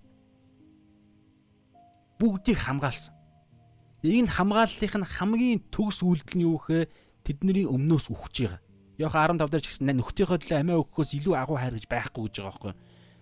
Тэгэхээр энэ хамгаалал гэдэг чинь юу гэхээр мөнхийн үхлээс үхлийн Йохан Ром 6-гийн 23 үхлийн ял шитгэл буюу нүглийн ял шитгэл буюу үхэх гэдэг энэ зүйлээс хүртэл хамгаалж Есүс өөрийгөө загалмай дээр өгч байгаа. Тэгээ өнөөдөр биднийг хамгаалж төгс хамгаалтыг хийсэн одоо баг даатгуултай адилхан, даатгалтай адилхан төгс хамгаалсан тэр нэгэн өнөөдөр энэ гадаа болж байгаа зүйлс таны бодол дотор ч болж байгаа зүйлс амьдралд ч болж байгаа зүйлсээс хамгаалах нь тодорхой яагаад гэж эцгийн эцгийн баруун гарталд төгс хамгаалцсан нэгэн төгс хамгааллыг төгс ялалтыг байгуулсан нэгэн үргэлжлүүлэн энэ ялалт нь үе үеийн хүмүүсүүдтэй үргэлжлүүлэн холбогдохын тулд эцгийн баруун гартал тэрүүн дахилчин залбирлыг байнга хийхин тулд Иврэ 7-гийн 20 дээр байгаа лээ 25 дээр 20 дээр өнө 25 дээр байгаачлан мөнхөд амьд байдаг гэж байгаа байхгүй. Өөрт нь ирж аврах аврагдахаар өөрт нь ирсэн хүмүүсүүдийг амь амь дотор байлгахын тулд үргэлжлүүлэн зуушлан залбирахаар мөнх мөнхөд эцгийн баруун гарталд амьд байгаа. Тэргүүн дахилж.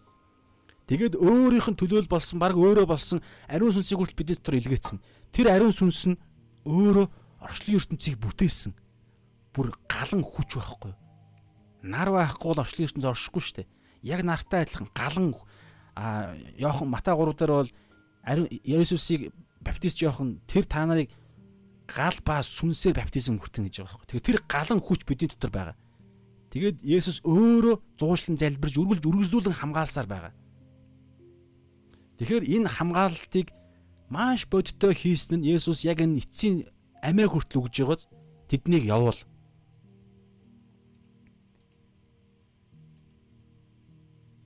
тэднийг явуул тийм учраас тэднийг явуулахын тулд та нар тушаалаа яг одоо зарилгаа харуул. Зарилгаа хэл. Та нарын ирсэн зорилго чи юу юм? Би. А тэгвэл эдгээр хүмүүсэд биш юм байна. Тэгвэл явуул. Тэгэхээр тэднийг явуулахын тулд тэднийг нүглээс ял шийтгэлээс гэтлэхийн тулд Есүс баригдаж байгаа байхгүй. Бидний нүглийн яал шийтгэлээс гэтлэхийн тулд Есүс баригдаж загалмаа дээр өгсөн. Бидний төлөө ирсэн. Хүүхэд болж Крисмасын үйл явдал хүн болж ирсэн. Үхсэн. Үхсдийн оронд очисон. Үхлээс амилсан. 40 хоног хамт байсан. 40 хоногийн дараа дээш явах нь хүртэл Йох 16 дээр миний явах нь та нарт хэрэгтэй. Дигснэрэ туслагч та нар дээр ирнэ гэж байгаа. Тэгээд туслагч чинь өөрөө бидний дотор байх нь хамаагүй дээр байхгүй юу? Тэр утгаараа дээш явах нь хүртэл бидний төлөө явсан. Эцгийн баруун гар талд байгаа нь бидний төлөө байгаа. Тэгэхээр ийм гайхалтай зүйлсүүдийг Библиэс ойлгож ухаарад оюун санаагаа шинчлэх юм бол өдөр болгон бид ингээл ингээ амьдарч байхдаа те хажуудлаа хажуу айлын бата те аама мангара тэнийгээ одоо нэг захиралчин ч юм уу хинч үгүй эсвэл бидний толон тараал бидний бодол хүртэл өөрөө өөрийгөө аама харчаа чи нэр хөгийн амтан амтан гэхэд тэр бүх үг хүн нөхцөл байдлууд чинь бүгд бүгд Есүсийн энэ хүчтэй үнний өмнө бүгд Яах нэг дээр байгаа шүү дээ. Гэрэл ертөнцид ирэхэд харанхуй ертөнцийг дийлээг үү гэж байгаа байхгүй. Тэгэхээр гэрэл буюу үнэн бид нар ойлгож ухаар ухаарч ижил бодол дотор байгаа энэ нийгэмдэр байгаа худлууд бид нар лөө товтлж дайр чадахгүй болно гэж байгаа байхгүй. Үнэн. Нөгөө Библи судалж чинь. Ер нь ингээд ахан дүүс нар маань баян хэлж байгаа шүү дээ. Библи одоо энэ короныг үеч тэр эцсийн цаг үед нь Библи Библи судлал буюу энэ Бурхныхаа үнэн дотор явах үргэлжлүүлэн явсаар байх гэдэг энэ зарчим чи одоо маш чухал байгаад байгаа шүү. Яагаад гэхээр эцсийн цаг үе маш ойрхон байгаа. Хизээ гэдэг нь мэддэхгүй гинтл саяхан хэд хоногийн өмнө газар хөдөлсөн шиг би мэдрээгүй л дээ манад мэдрээгүй гэр ороод офицерт байна. Гэтэл Есүсийн ирэлтийг хүн болгон мэдэрнэ. Үхсэн хүн болгон мэдэрнэ. Гэхдээ хизээ гэдэг нь мэддэхгүй. Бүгд л сайхан унд чинь эсвэл бүгд сайхан киногоо үз чинь бүгд ажиллаа хийж чинь сайхан болзондоо явах гал уцаа хайраа хаана байна мэн гээл те. За одоохон буулаа муулаа гэжсэн чинь бүм гээл. Тэр үед хайраа морай гээл сайхан хийдэг юм а хийгээл юу за маргааш библиа уншия маргааш яа те маргааш Иесуст итгэе маргааш сулаанд нь явъя маргааш баптизм хүртээ нөгөөдөр хүртээ би маргааш харин те одоо болзоонд явах хэрэгтэй байна. Ингээс яхаа явж исэн чинь пүн гэл буугаад ирнэ шүү дээ. Баян Иесусийн дотор явж иж Есүсийн дотор явж байгаа хүн л гинт хизээр мэддэхгүй Есүс ирэх үед олд Есүсийн дотор олдно гэдэг байгаа байхгүй. Тийм учраас итгэл гэдэг нь грек хэлэн дээрээ итгэсээр байх гэдэг одоо үргэлжлэх цаг дээр байдаг гэдэг байгаа байхгүй. Өнгөрсөн нэг удаа би итгэцэн тэгэл одоо харин тэр итгэл маань намайг аварчин. Гэхдээ одоо би энэ зүгээр өөрийнхөө өөрийнхөө амьдралынхаа эзнээ болоод явжий гэдэг ийм ойлголт сүнслэг ертөнцид байхгүй гэж байгаа байхгүй. Библийн ийм ойлголт гэж юусоо байхгүй. Энэ бол сохор итгэл. Энэ худлаа эзэмэн эзэмэн гэдэг ёр ёс бусыг үйлдэгч нарын итгэл гэж байгаа байхгүй. Хуурамч итгэгч нар. Есүс хуурамч шүтэн шүтгэгч нар гэсэн. Тэгээ тэр тийм хүмүүс яахаа гэхээр тэр өдөр Есүс өөрөө хэлсэн шүү дээ. Матологийн 21-23 дээр би тэтгэх хүмүүсүүдийг ёс бусыг үйлдэгч нар та нар надаас холд буюу зайл гэж хэлнэ гэж. Ёс бусыг үйлдэгч нар. Харин Есүсийн дотор итгэсэн тэр цагаас эхлээд байнга Есүсийн дотор явах буюу ёс бос адилхан үлдэн штэ. Гэхдээ тэр болгондоо гимшин. Ягаад тэгэхээр шинээр төрсөн учраас гим нүглийг тэд үзий яддаг болоод ирж байгаа штэ. Тэр нь үр жимсэн аахгүй. Тэгээ гим нүглээ гимшин. Тэгээд алхам малхамаар нэг нэг гим нүглүүдэд орхиж эхэлнэ. Эн чинь байнгын алхам малхамаар Есүсийн дотор байгаа төлөв байдал аахгүй. Тэрнээс биш төгс гимгүү болж ижил тэр үед Есүс ирнэ гэдэг юм байхгүй шүү дээ. Тийм ойлголт ерөөсөө байх. Тэгэхээр өвдөр болгон Есүсийн дотор Бурхан эцгийн хүслийг үйлдэгч нар Тэнгэрийн хаанчлалд орно гэж Матологи 20-23 дээр хэлж байгаа нь Бурхан эсний хүсэл хүсэл нь юу вэ гэхээр Есүс итгэж мөн хамтаа байх.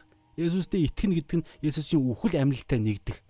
Лук 9:20 23 дээр өдөр бүр өөрийгөө өдөр бүр өөрийгөө үгүйсгээд загалмайгаа өөрөөд Есүсийг дагаад явж байгаа хүн л Есүс Есүс хоёр дахь удаага гинт ирэхэд дагаад явж байгаа хүн чинь олдсон шүү дээ угаасаа. Явж байсан биш угаасаа л явж байгаа учраас хизээ их нь биднэрт нэг чухал биш байхгүй юу? Яг миний хувьд аа ерөнхий авралын төлөвлөгөөний хувьд бол чухал. Яагаад вэ гэхээр эрхээс өмнө бид бидний дуудлага гэж байгаа хайртай хүмүүсүүдэд итгүүлэх сайн мэдээ тунхаглах дуудлагатай итгэх итгүүлэх дуудлага биш шүү. Сайн мэдээ тунхаглах, үннийг тунхаглах дуудлагатай итгүүлэх нь эзний өөрийнх нь хийх ажил. Тийм зүйл яригдж байгаа. Тийм учраас энэ би байгаа гэж хэлсэн те. За тэгэд яасан бэ гэхээр тийм учраас тэднийг ингэж тэднийг явуулаа гэж хэлж байгаа. За. За өөр юу орох Аа За Петр за бүгдээ цааш нүргэжлүүлээ. Есүсийг хариулан тэр чинь би байгаа юм гэхэд тэднийг тэг явуул гэсэнд 19-оос таны надад энэ нь болохоор те сая хэлсэн Йох 17-гийн 12 дээр байгаа үгийг иш үзүүлс яасан байна. Иш татсан байгаа шүү. Монгол дээр бол тэмдэглэдэг юм байна. Англи дээр бол байгаа. Таны таны надад өгсөн өгсүүд өгснүүдээс нэгийг нь ч би алдаагүй гэж түүний айлдсан үг биелэгдэхийн тулд юм аа. Өмнөх өмнөх залбирал дээр нь айлдсан нь хэдхэн цагийн дараа Есүс өөрөө ингэж үгийнхаа дагуу биелсэн. Ер нь Есүс номлосон номлосноо хэрэгжүүлдэг дандаа. Есүс Иохан 3:16 дээр Иохан 3:16 дээр Бурхан ертөнцийг үнэхээр хайрласан тушаа сорын ганц хүүгээ өгсөн. Тэ? Хүүгээ өгсөн. Хайрлсан учраас хүүгээ өгсөн. А Бурхан хайртай гэж хэлсэн. Бурхан хайртай. Аварна гэсэн. Тэгээ авралаа өөрөө биелүүлсэн. Авар авралыг нь өөрөө загалмай дээр биелүүлсэн. Тэгэхээр а бид ч гэсэн яг юм байгаад байгаа байхгүй бид Есүсийг эзнээ гэсэн юм бол эзнээ болгох ёстой. Эзнээ гэд. Харин эзнээ гэж хэлчээд өөрөө амьдралынхаа эзнээ болж ивэл Мата 7-гийн 21-ээс 23-ыг уншаарай гэж хэлье. Мата Мата 7-гийн 13-аас 23-ыг уншаарай бүр бүхэлд нь. За тэгээ цааш явъя. За тэгээд 11-ээс 10-аас Симон Петр илдээ суглаад тэргүүн дахилчийн зарцын баруун чихийг тасч авчижээ.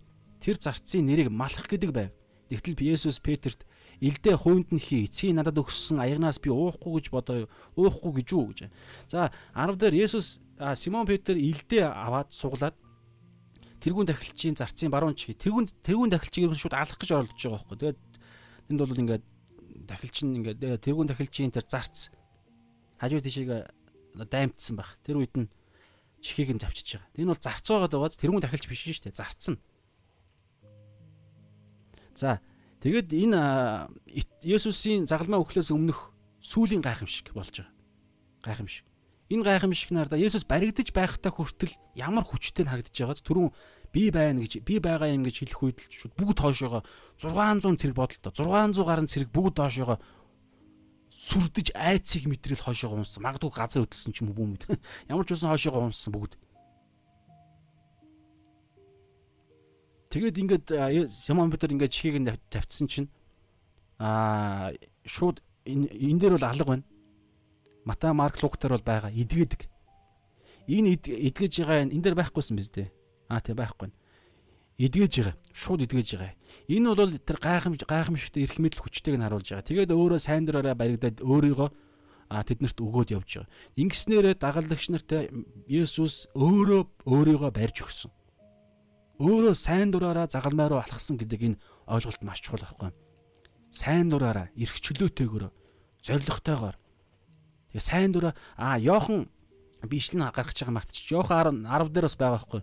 Би өөрийнхөө амийг өгөх авах гэрх надад байгаа. Би өөрөө сонголтоороо өөрийнхөө амиа өгнө. Амиа өгөх гэрх байгаа. Амиа авах гэрх надад байгаа гэж хэлж байгаа байхгүй. Тэм учраас загалмай дээр амиа өгж байгаа 3 хоногийн дараа амиа ч гэсэн авж байгаа. Тэм учраас өөрийнх нь төлөвлөгөө зохион байгуулалтаа. Тэм учраас өнөөдөр бид нар зүгээр урсгалаараа урсж гинөө эсвэл бид хариун сүнстэй бурхантай зохион байгуулсан зоригтойгоор өдөр болгоныхоо зорилгоо мэдээд зориудаар алхаж гинөө өөрөө хян бид итгэлээрээ дуудлагаараа хянж амьдралаа хянан алхаж гинүү. Эсвэл зүгээр сэтгэл хөдлөл эмоцороо ингээл өдөрдүүлэгдэж гинүү те. Энэ л эсвэл ингээл мөнгөгүй болох үед л мөнгөтэй болохын төлөө ингээл тэр эдийн засгийн урсгал руу ороод өдөрдүүлэгдэж гинүү. Эсвэл ухамсартайгаар бүр хоосон байхаа өлсгөө өлсөх сонголтыг хийж гинүү. Тэ энэ бүх зүйл чинь цаана нь юр бусын Мата 16 дээр байгаа газар дээр холбож тэнгэрт холбог сүнслэг ертөнцид холбогдож газартай тайлгдвал тэнгэр тайлгдна гэдэг энэ итгэлийн маш чухал байр суурь байгаа даа байхгүй. За тэгээд Мата а 26-гийн 52 дээр ингэж байгаа. Есүс түүнд ил энэ илдээ Петрт бас Мата дээр ингэж хэлж байгаа байхгүй. Мата дээр Петрт Есүс ингэж хэлж байгаа. Илдээ хуунд нь хий, илд авахч бүхэн ил дээр хөнөөгдөн тэр хардаа нэг ийм угаасаа энэ бол зүгээр зарчим байхгүй юу. Хэрв хүн итгэвч мөн ч бай биш ч бай миний бодлоор. юу вэ гэхээр Fox Fox-ийн дугууланд явж байгаа бол яалт чгүй л зодуулна л гэсэн үг ухаасан. Тэ. Эсвэл тэ юу юуг өөрийнхөө зарчмаа болгож байна. Тэр зарчим зарчим зарчим дотроо өөрөө орно л гэсэн үг шүү дээ. Зарчмаараа амьдрна л гэсэн үг шүү дээ. Тэгэхээр илд барьж ивэл яалчгүй илд барьсан нэгэнтэй л таарна гэсэн үг. Нэгдүгээр, хоёрдугаар Эхлэл 9-ийн 6 дараа ингэж байгаа хүний цусыг хэн урсгах нь. Энэ бол яг тухайн хам зэрэгтэй шүнд хамааралтай хүн алхтай. Хүний цусыг хэн урсгах нь, түүний цусыг хүн урсгах нь. Хэрвээ Петр малахыг алдсан бол малах толгоогоо хөдөлгөө жихээ ингээ яагаагүй малч шууд толгоог нь завчаад малах малах өгцөн бол яана гэж түрүүн та нар хэнийг барих гэж ирээгүй шилхэд Есүс а цэргүүд Назарын Есүсийг гисэн штэ. Гэтэл Петр орж ирээд маа гэд малахыг алдсан болвол Есүс нэмэх нь Петр болох байсан байхгүй. Тэгэхээр нэг бүлгийн өмнө хэдэн цагийн өмнө залбирж ирсэн тэ би таны хүмүүсүүдээс нэгийг нь алдаагүй гэдэг залбирал хүчингү болох гэдэг байгааз. Тийм учраас Есүс энэ үгээ биелүүлэхийн тулд малахыг идгээж байгаа. Олон талтай мэдээж. Тэр малах чинь өөрөө зарц байсан. Тэр итгэлийг үзээд малах итгэх нь тодорхой байхгүй юу? Үнэхээр тодорхой. Зүгээр бусдын гар хөлж болж явж исэн. Гэтэл манай эзний дайсны дайсныг нь барьнаа гэж оцсон чинь эзэн дайсан нь эзнээс нь илүү өөрийг нь хайрлаад эдгээгээд тэгээ бүр ингээ баримтлагдж байгаа загламад руу хүчийг хараад малах бол шоконд ороод тэнд чинь ариун сүнс ажиллаа хийн штэ. Тэр олон талт үйл явдал. Тэгэхээр хүний цусыг хэн урсгах нь түүний цусыг хэн урсгах. Тэгэхээр Петр хэрэг цусыг нь урсгацсан бол яалтчгүй Петрийн цусыг ромчууд урсгах хэрэгтэй болно гэсэн.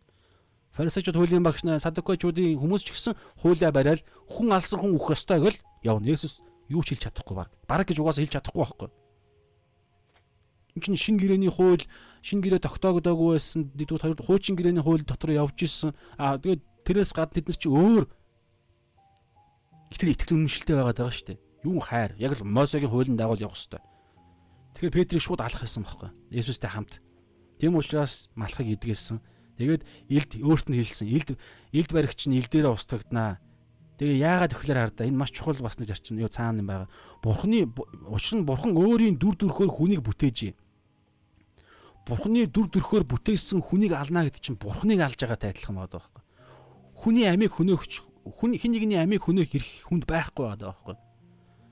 А хуучин гэрэний хууль болохоор Бурхан өөрөө зөвшөөрж байгаа учраас юу өөрийнх нь тушаалаар өөрийнх нь тогтоосон хүний амийг хүн хөнөөсөн учраас ам хөнөөгчийг алахыг дүр төрхийнх нь эзэн болсон Бурхан нь өөрөө хуулиар тогтоож өгч байгаа.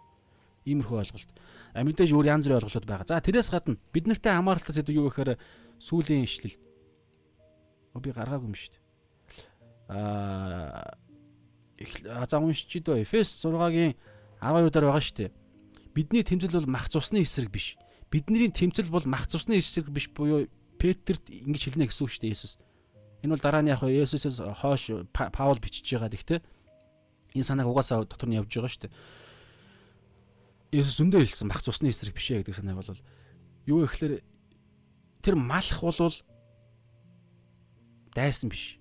Ер нь хинч дайсан биш. Хүн дайсан биш байхгүй. Энэ Тэнгэрийн хаанчлал ерөөсө тулаан хийдэг Тэнгэрийн хаанчлал биш. Тэр утгаараа загалмайтны аян дайны үед бол тэд Израильчууд Ром юу гэвэл Ромын католикных юм бол бүгд буруу юм хийж байгаа байхгүй. Есүсийн хуулийг зөрчиж байгаа байхгүй. Бүгд хууль зөрчсөн гэсэн. Аа хууль гэхээс илүүгээр бүгд одоо юу гэдэг Библийг буруу ашигласан гэсэн өөрсдийнхөө юуны төлөө. Тэгэхээр Филипп Эфес 6-гийн 12 дээр бол бидний тэмцэл бол мах цусны эсрэг биш буюу бид бодиттой тулаан хийхгүй гэсэн үг байхгүй. Та би бид нар бүгдээрээ аа харин бидний тэмцэл бол тэ мах цусны эсрэг биш харин харанхуй ертөнд харанхуй захирагчд энэхүү харанхуй ертөнцийн захирагчд эрх мэдэл хүч тэнгэрлэг оршуудах ёр юм уу сүнслэг хүчний эсрэг товчондоо ялах юм бол сүнслэг тулаан, сатааны эсрэг хийх тулаан. Сатан энэ дэлхийн ертөнцийн тогтолцоогоор бид нар лөө тогтолцоотой нь би тулалдаа гэсэн. Худал хуурмагтай. Одоо энэ авилгал тэ завхаарл одоо юу гэдгийг аа одоо үр хөндлөлт тэ одоо чуулган дотор орж ирнэ шүү дээ. Чуулган дотор бол тэ Библийн Библийг дээд ирэх мэдлээ биш. Пастрыг дээд ирэх мэдлээ болгох байдал. За гэхдээ энэ саяны энэ дэр бол арай би өөр юм ярих хэрэгтэй хэрэгтэй байх гэж бодож байна. Энэ дэр бол энэ өөрөө өөр сэдв. Тэгэхдээ хамгийн гол нь бид хүүхэн саяны чуулганы энэ дэр бол юу ярих вэ гэхээр өөрөө л бид яг өөрсдөө зөв байх хэрэгтэй тий. Тэгэхдээ хин нэг нэг энэ ямар аюултай хүн гарч ирлээ гэж бодоход бид заашгүй тэрийг шүүх ёстой шүүх ёстой. Мата 5 дээр бол тодорхой хэлж байгаа. Мата 5 6 дээр ч байгаа хэ тий. Шүүх ёстой байхгүй юу? Хурамж иш үзүүлэгчдийг шүүж ямар юм байна вэ? Яаж ийж нэ гэдэг. Тэр нь бол бид өөрсдийнхөө хамгаалах, ахын дүүсээ хамгаалах гэдэг янз бүрийн байгаа. За энэ бол жоохон өөр сэдв. Би өөр зүйл ярьчлаа. Ямар ч байсан бидний хамгийн гол зүйл бол энэ ертөнцид байгаа, ертөнцид бид илгээгдэж байгаа, ертөнц дотор байгаа учраас нэг тариан талбай дээр байгаа учраас үрийн сүүл Улаанбуудаа ургац хоёр хамтдаа ургаж байгаа учраас ялгаагаа алдахгүй байх хэвээр. Тэгэд үргэлжлүүлэн ургасаар байх хэвээр. Матай 13 дээр байгаа шүү. Тийм зүйл яригдэж байна. За тэгээд хамгийн сүүлд сүүлийн өгүүлбэр. Илдээ хуунд нь хий эцгийн надад өгсөн аягнаас би уухгүй гэж юу? Эцэг ямар аяга өгсөн Есүст? Зовлон. Зовлонгийн аяга өгсөн нэгдүгээр загалмай өхөл те. Гэхдээ энэ нь алдарт хүргэх зовлон бусдын төлөө өөрт өөрт нь өгсөн бүхний төлөө зовох. Гэтэ энэ зовлон нь алдрыг бий болгож байгаа. Хоёрдугаарт энэ зовлон өөрөө бас юр бусын сайхан зүйл байгаа. Алдар алдар юр бусын тэ тэрхүү давуу зүйлийн төлөө тэрийг ганц ижил хараад өндөрлөө. Мата 5-ын Ром 5-ын 1-ээс 5 дээр байгаа байхгүй. За тийм би уншия. Тиймээс бид итгэлээр зөвтгөгдсөн тул эзэн Есүс Христээр дамжин Бурхантай эвлэрсэн. Есүс Христийн дотор Бурхантай эвлэрсэн. За тэгэнгүүтлээ мөн дотор нь зогсдог энэхүү нэгүүлсэл рүү бид түүгээр дамжин итгэлээр орох боломжтой болсон бөгөөд бид Бурхны алдрын найдварт баярладаг. Энэ нэгүүлсэл дотор Бурхны алдар байгаа. Энэ Бурхны алдар Есүс алдарших энэ ойлголт ойлголт бид нарыг баярлуулдаг шинэ бүтээлийн чинь онцлог бидний. Тэгээд тэгэхээр энэ алдар нь өөрөө биднийг баярлуулдаг. Тэгээд зогсохгүй. Зовлон бас биднийг баярлуулдаг. Та хар да. 3-аас Ром 5-ын 3-аас түүгээрч барахгүй мөн зовлонтойтой баярлдаг. Учир нь зовлон нь төвчээрийг, төвчээр нь батчлыг, батчлан найдварыг төрүүлдэг гэдгийг бид мэднэ. Найдвар нь биднийг гонсоологдоггүй. Учир нь бидэнд өгөгдсөн ариун сүнсээр дамжин Бурхны хайр зүрхэнд маань утгагдсан байдаг. За товчхондоо хэлэхэд юу вэ гэхээр шинэ бүтээлийн маань онцлог Есүс алдарших үед бид үнэхээр баярлдаг. Нэгдүгээр, хоёрдугаарт бид хүчрхэгждэг. Сайн мэдээнд хүч байдаг гэж байгаа шүү дээ. Тэгээ бас Есүс алдарших үед бид бидний сүнс хоол хооллогддог. Бид одоо юу гэдэг хувь тавиландаа гардаг шагнал шагнагддаг ч гэдэг юм уу те ямар ч байсан юр бусын маш олон талтай сайн сайхан. Тэгээ өөрөө бид нар баярлдаг. Хамгийн гол нь маш бодиттой баярлдаг. Есүс алдарших буюу хин нэгэн Есүст итгээд та бол миний амьдралын эзэн гэж хин нэгэн хэлэх үед бид юр бусын сүнслэг баяр хөөр төрдөг. Энэ баяр хөөр чи олон эмчтгүнтэй бид мөнхөн уулт ч гэсэн энэ шагнал яригддаг. За хоёрдугаарт ингэх ингэж байх хугацаанд бид энэ дэлхий дээр амьдрын штэ. Тэр амьдрал дундаа бид хавчигдах янз бүрийн зовлон бий болох үе тэр зовлон дотор бид бас баярлж идэг. Яагаад? Яагаад вэ гэхээр зовлонгийн ихний нэг юм сум ирлээ. Тэгэх үед бид зовлон төвчж авдаг. Би зовхгүй гэж сэлэн бариад байлдахгүй түрүүн үзлээ шүү дээ, тэ? Бидний тэмцэл бол мах цусны эсрэг биш. Тэгэхээр мах цустай тэр хүн биднийг зовооход аа би зовхгүй гэж тулдах биш. Цаана байгаа тэр хүнийг утсан хүүхэлтэйгээр удирдах байгаа цаана байгаа сатаныг бузар муу хүчийг ялахын тулд бид тэр хүнийг хайрлаад тэр зовлонг embrace буюу хүлээж авна. Хайр нэг хацраа халахад нөгөө хацраа тавьж өгөх байдлаар хүлээж авна. Тэгснээрээ энэ цаана нарийн юм болно. Харин бидний хувьд хүлээж зовлон хүлээж авах үед төвчээр гэдэг юм би ажилдаг. Тэгэхээр зовлон төвчээрийг за төвчээр нь яаж яваа гэхэл батчил буюу энэ бүр зан характер гэдэг юм байгаа байхгүй юу? Бат батчил буюу байнга төвчдөг юм зан характер мөн чанар бий болж эхэлдэг нэг удаа алгадлаа, хоёр алгадлаа, нэг дэвчлээ, хоёр дэвчлээ. Энэ байдлаар ингээд ийм төвчээр одоо энэ хацар мацар бүр ингээд хэвээ бүр хатуу болоод ингээд бүр эвэршээд гэдэг юм.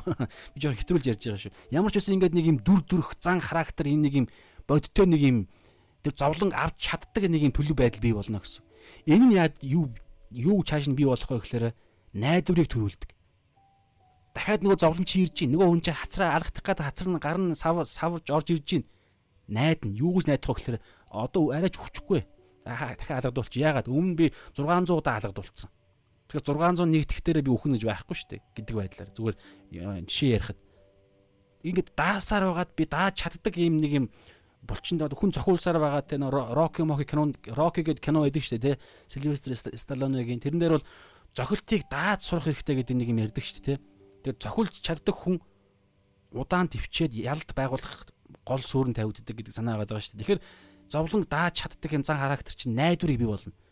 Тэмцэл дотроо байхдаа ингээд заа дааж шүү дааж шүү найдвар бий болж ин тэ олон удаа дахиад даагаад гарчиндаа гэд. За энэ найдвар нь яадаг вэ гэхээр хараа гонсоологдоггүй буюу найдаж байгаа зүйлийг зүйл нь ирнэ гэсэн үг. Би энэ сорилтыг даваад цаана гарнаа. Нэгдүгээр хоёрдугаар энэ сорилтыг давж байгаа зорилго чи юу вэ гэхээр алдар واخхой Есүсийн алдар Би алдар Есүсийг алдаршуулах зорилготой тэр гэрэл алдар бусдад нөлөөлөх тэр бүх зүйлсүүд ингээд биелнэ гэж байгаа. Тэгээ энэ бүх зүйлсүүдийг ажилуулдаг ганц гол юм нь юу гэж 5 5 дугаар ишлэл а сүүлийн өгүүлбэр. Учир нь бидэнд өөгцсөн ариун сүнсээр дамжин бурхны хайр зүрхэнд маань зутгагдсан байдаг. Бурхны хайр тэр тэнгэрлэг агапе гэдэг энэ нэг юм юр бусын хүч чинь өөрөө саяны бүх зүйлсүүдийг бий болгодог. Есүсийг алдарших үед баярлуулж гин. Зовлон ирэх үед төвчүүлж гин дэвчдэг мөн чанарыг бий болгож гин, найдварыг төрөөлүүл төрөөлүүлж гин. Тэгээд найдвар найдаж байгаа зүйл мөр бодиттой биелж гин. Энэ бүх зүйл чинь агапе хайр дотор байгаа цагт буюу Есүстэй байн холбоотой байгаа хүн. Ариун сүнсээр нь энэ хэлж штэ ариун сүнсээр нь дамжин Бурхны хайр зүрхэнд маань цутгагдсан бүр. Бүр дүүрэн байгаа. Тэгэхээр агапе хайраар бүх зүйл бий болж байгаа байхгүй. Ийм гайхалтай зүйл ямар ч гэсэн энэ өндөр хэсэг дээр байгаа. Тэгэхээр тэ би эцгийнхаа эцгийн надад өгсөн аягнаас би уухгүй гэж үү. Тэгэхээр Есүс өөрөө ч гэсэн энэ аяг зовлонгийн аягийг уухад энэ зовлон нь маш бодиттой түрүүн хэлсэнчлэн те мах бод сүн сэтгэлийн дотроо бүр ян аимшигтэй үхэл мэдэрсэн ч гэсэн энэ үхэл нь энэ үхэл энэ аимшигтэй зовлон нь хүн төрлөختний хайртай өөрийнх нь хайртай хүмүүсүүдийнхаа авралын төлөө байгаа учраас Есүс дотроо баярлж исэн байхгүй. Дотор нь баяр хөөр байгаа. Ягаад тэгэхээр найдаж исэн зүйлс нь биелж байгаа учраас.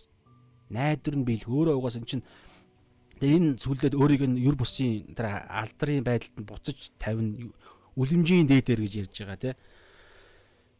Аа за тэгээ бүгдээрээ ерөнхийдөө өнөөдөр хэсгээ өндөрлөе.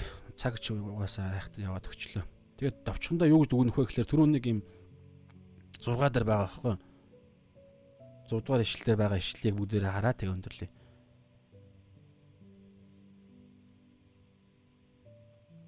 Биш ээ.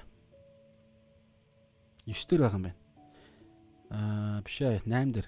Есүс хариулна тэр чинь би байгаа юм ингээд ингээд намайг ирж байгаа бол эднийг явуул. Тэгэхээр Есүс Есүсийн Библиэлд хэлэгдсэн бүх үннүүдийг үннүүд бүгд биелдэг. Үннүүд нь бүгд биелдэг. Харин Есүсийн хэлсэн Библиэлд байгаа үннүүд бидний амьдралд биелэхгүй байгаа тохиолдолд бид тэр үнэн дотор алхахгүй байгаа үед л биелэхгүй гэсэн. Усан үзийн модтой холбогдож ижил жимс гаргана. Гэрэл дотор алхаж ижил гэрлийн нөлөөгөөр бузар муу илчлэгдээд нэгдүгээр Йохан 1-ийн 7 дээр байгаа шилэн Есүсийн цус биднийг бузар муугаас угаах гэдэг тэр нэг юм биелэл нь гэрэл дотор байгаа хүн л биелэгдэнэ. Өөрөөр хэлбэл үнэн дотор явж гин үү? Есүс дотор үргэлжлүүлэн явж гин үү? Баян энэ дээр л хамаг юмаа тавьж байгаа цагт Есүсийн үг нь яаж биелэхтэр эзэн өөрөө бүгдийг нь биелүүлнэ. Үүний төлөө бүр амиа хүртэл өгж штэ. Үүний төлөө бүр дайсныхаа зарцын жихийг хүртэл идгэж байна. Тийм учраас бидний хамгийн гол фокус юу гэхээр Есүсийн үнэн дотор, үгэн дотор, сүнсэн дотор нь явахын төлөө хамаг юм аа. Тэгээ үүний ч нэг алхам нь өнөөдөр бидний энэ цаг тэгээ 7 хоног болгоны таны танаа цуглааны хийж байгаа цаг, таны чимээгөө цаг хийж байгаа цаг чинь шүү. За тэгээ бүгдээр залбираа хөндөрлөө. Эзэн минь энэ цагийн төлөө талархъя тэгээд өнөөдрийн цагаар дамжуулан эзэн аа маш нэг талаараа аимшигтай харанхуй боловч том зургаараа сүнслэг байдлаараа таны сүнсэн дотор таны дотроос харахад юр бусын гайхамшигтай ялалт алдрын үйл явдал өнөөдрийн 18-аар эхэлж байна гэсэн. Тэгээд бид үргэлжлүүлэн Иохан 21 дугаар бүлийг дуусан дуустал эзэн бид гайхалтай үннүүдийг ойлгож ухаарахад судлахад эзэн та биднийг өдөрдаач намайг өдөрдаач эзэн бид энэ цагт ямар нэгэн буруу зүйл хэрэг яригдах юм бол та нэгдүгürt намайг ярихгүй байхад ярихгүй байхын төлөө өдөрдөж хамгаалаач хоёрдугаар ямар нэгэн байдлаар миний миний дорой байдлаас болж ярихад сонсогчийг та хамгаалж өгөөрэй Есүсийн нэрээр амин. За хамт ирсэн хүмүүстээ баярлалаа. Сайхан амраарай. Үнэхээр бүгднтэй амин шалом сайн уу гэсэн бүх хүмүүстээ баярлалаа. За дараагийн цагаар дахин уулзлаа баяртай сайхан амраарай. Шалом буюу амар амгалан тантай хамт байх болтугай. Амар амгалан ямар үед байх вэ гэхээр Есүсийн хүслийн дотор үгэн дотор нь байгаа цагт л сүнслэг амар амгалан байдаг. Тэндээс аяанда мэдрэмж гарч ирдэг. Тэрнээс биш эхлээд мэдрэмж нь биш шүү дээ, тий. За шалом сайхан амраарай.